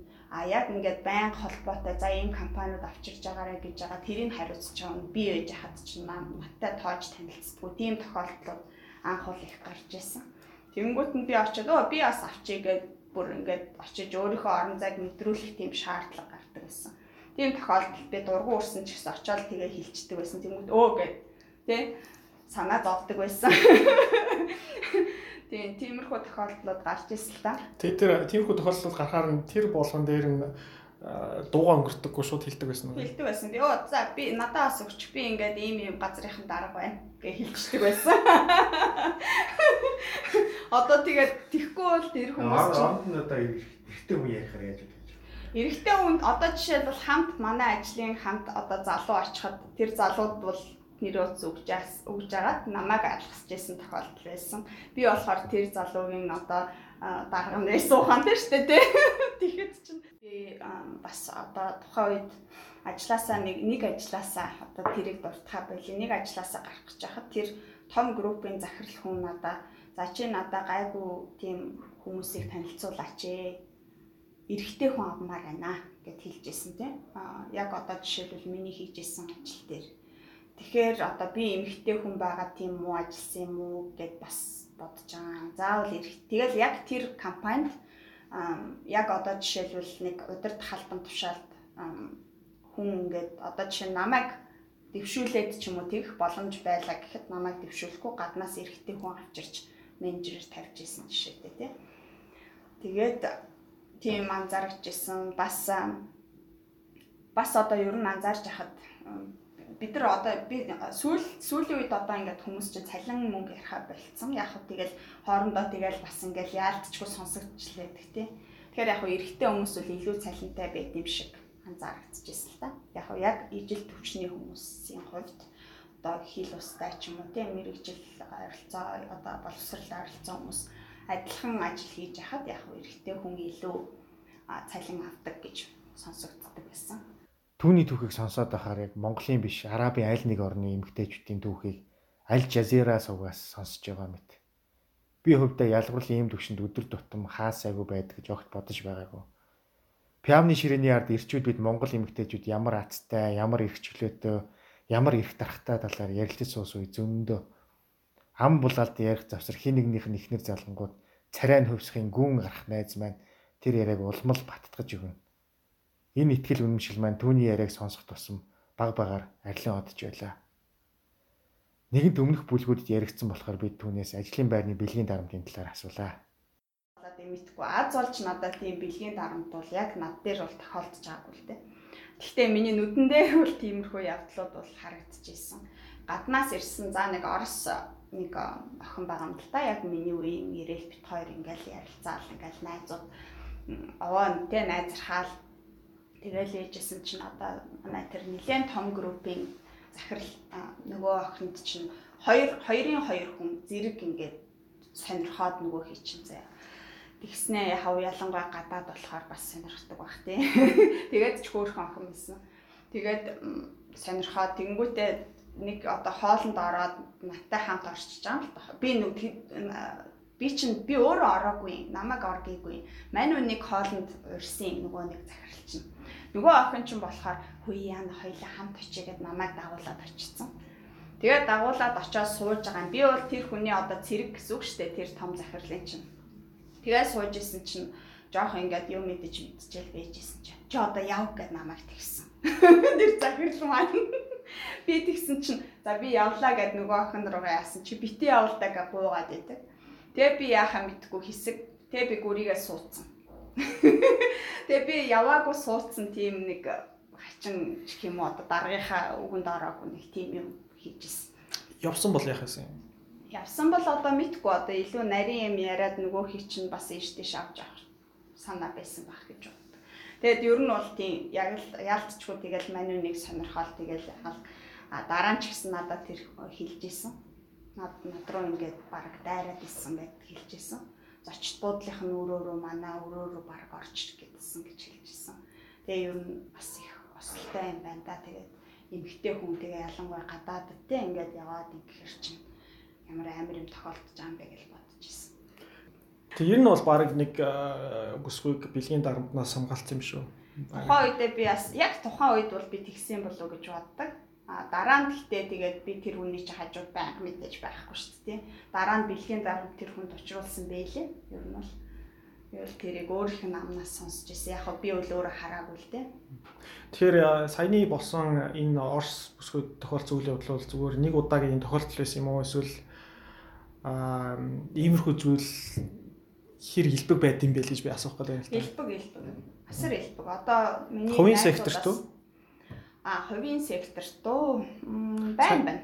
Тийм. Байн би манай найз нөхдөөс бол сонсогдож л байсан. За ингээд ингэсэн чинь миний гуйн дээр гараа тавьсан гэж ах шиг те эсвэл ингээл а ийштэй шавж авах гэдсэн ч юм уу тийм бол манай найз нөхдөд сонсогдож байсан.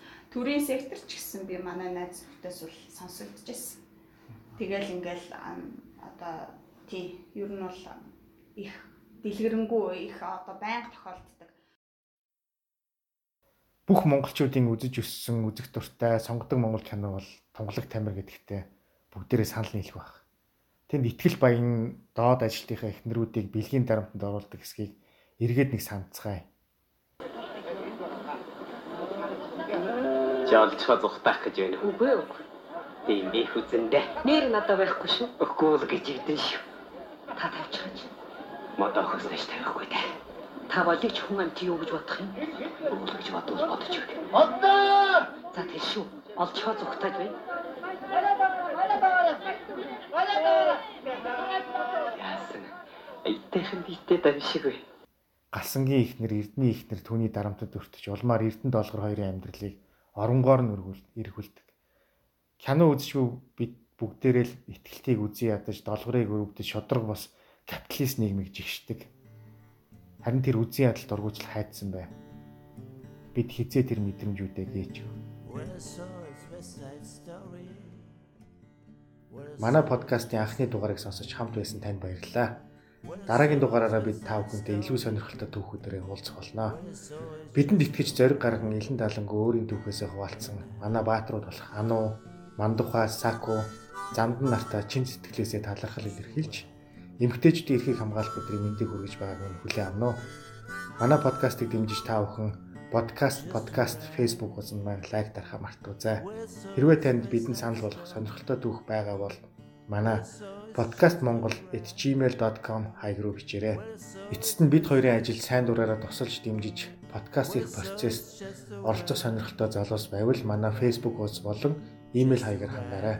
Дараа уулзтлаа баяртай. Just so right.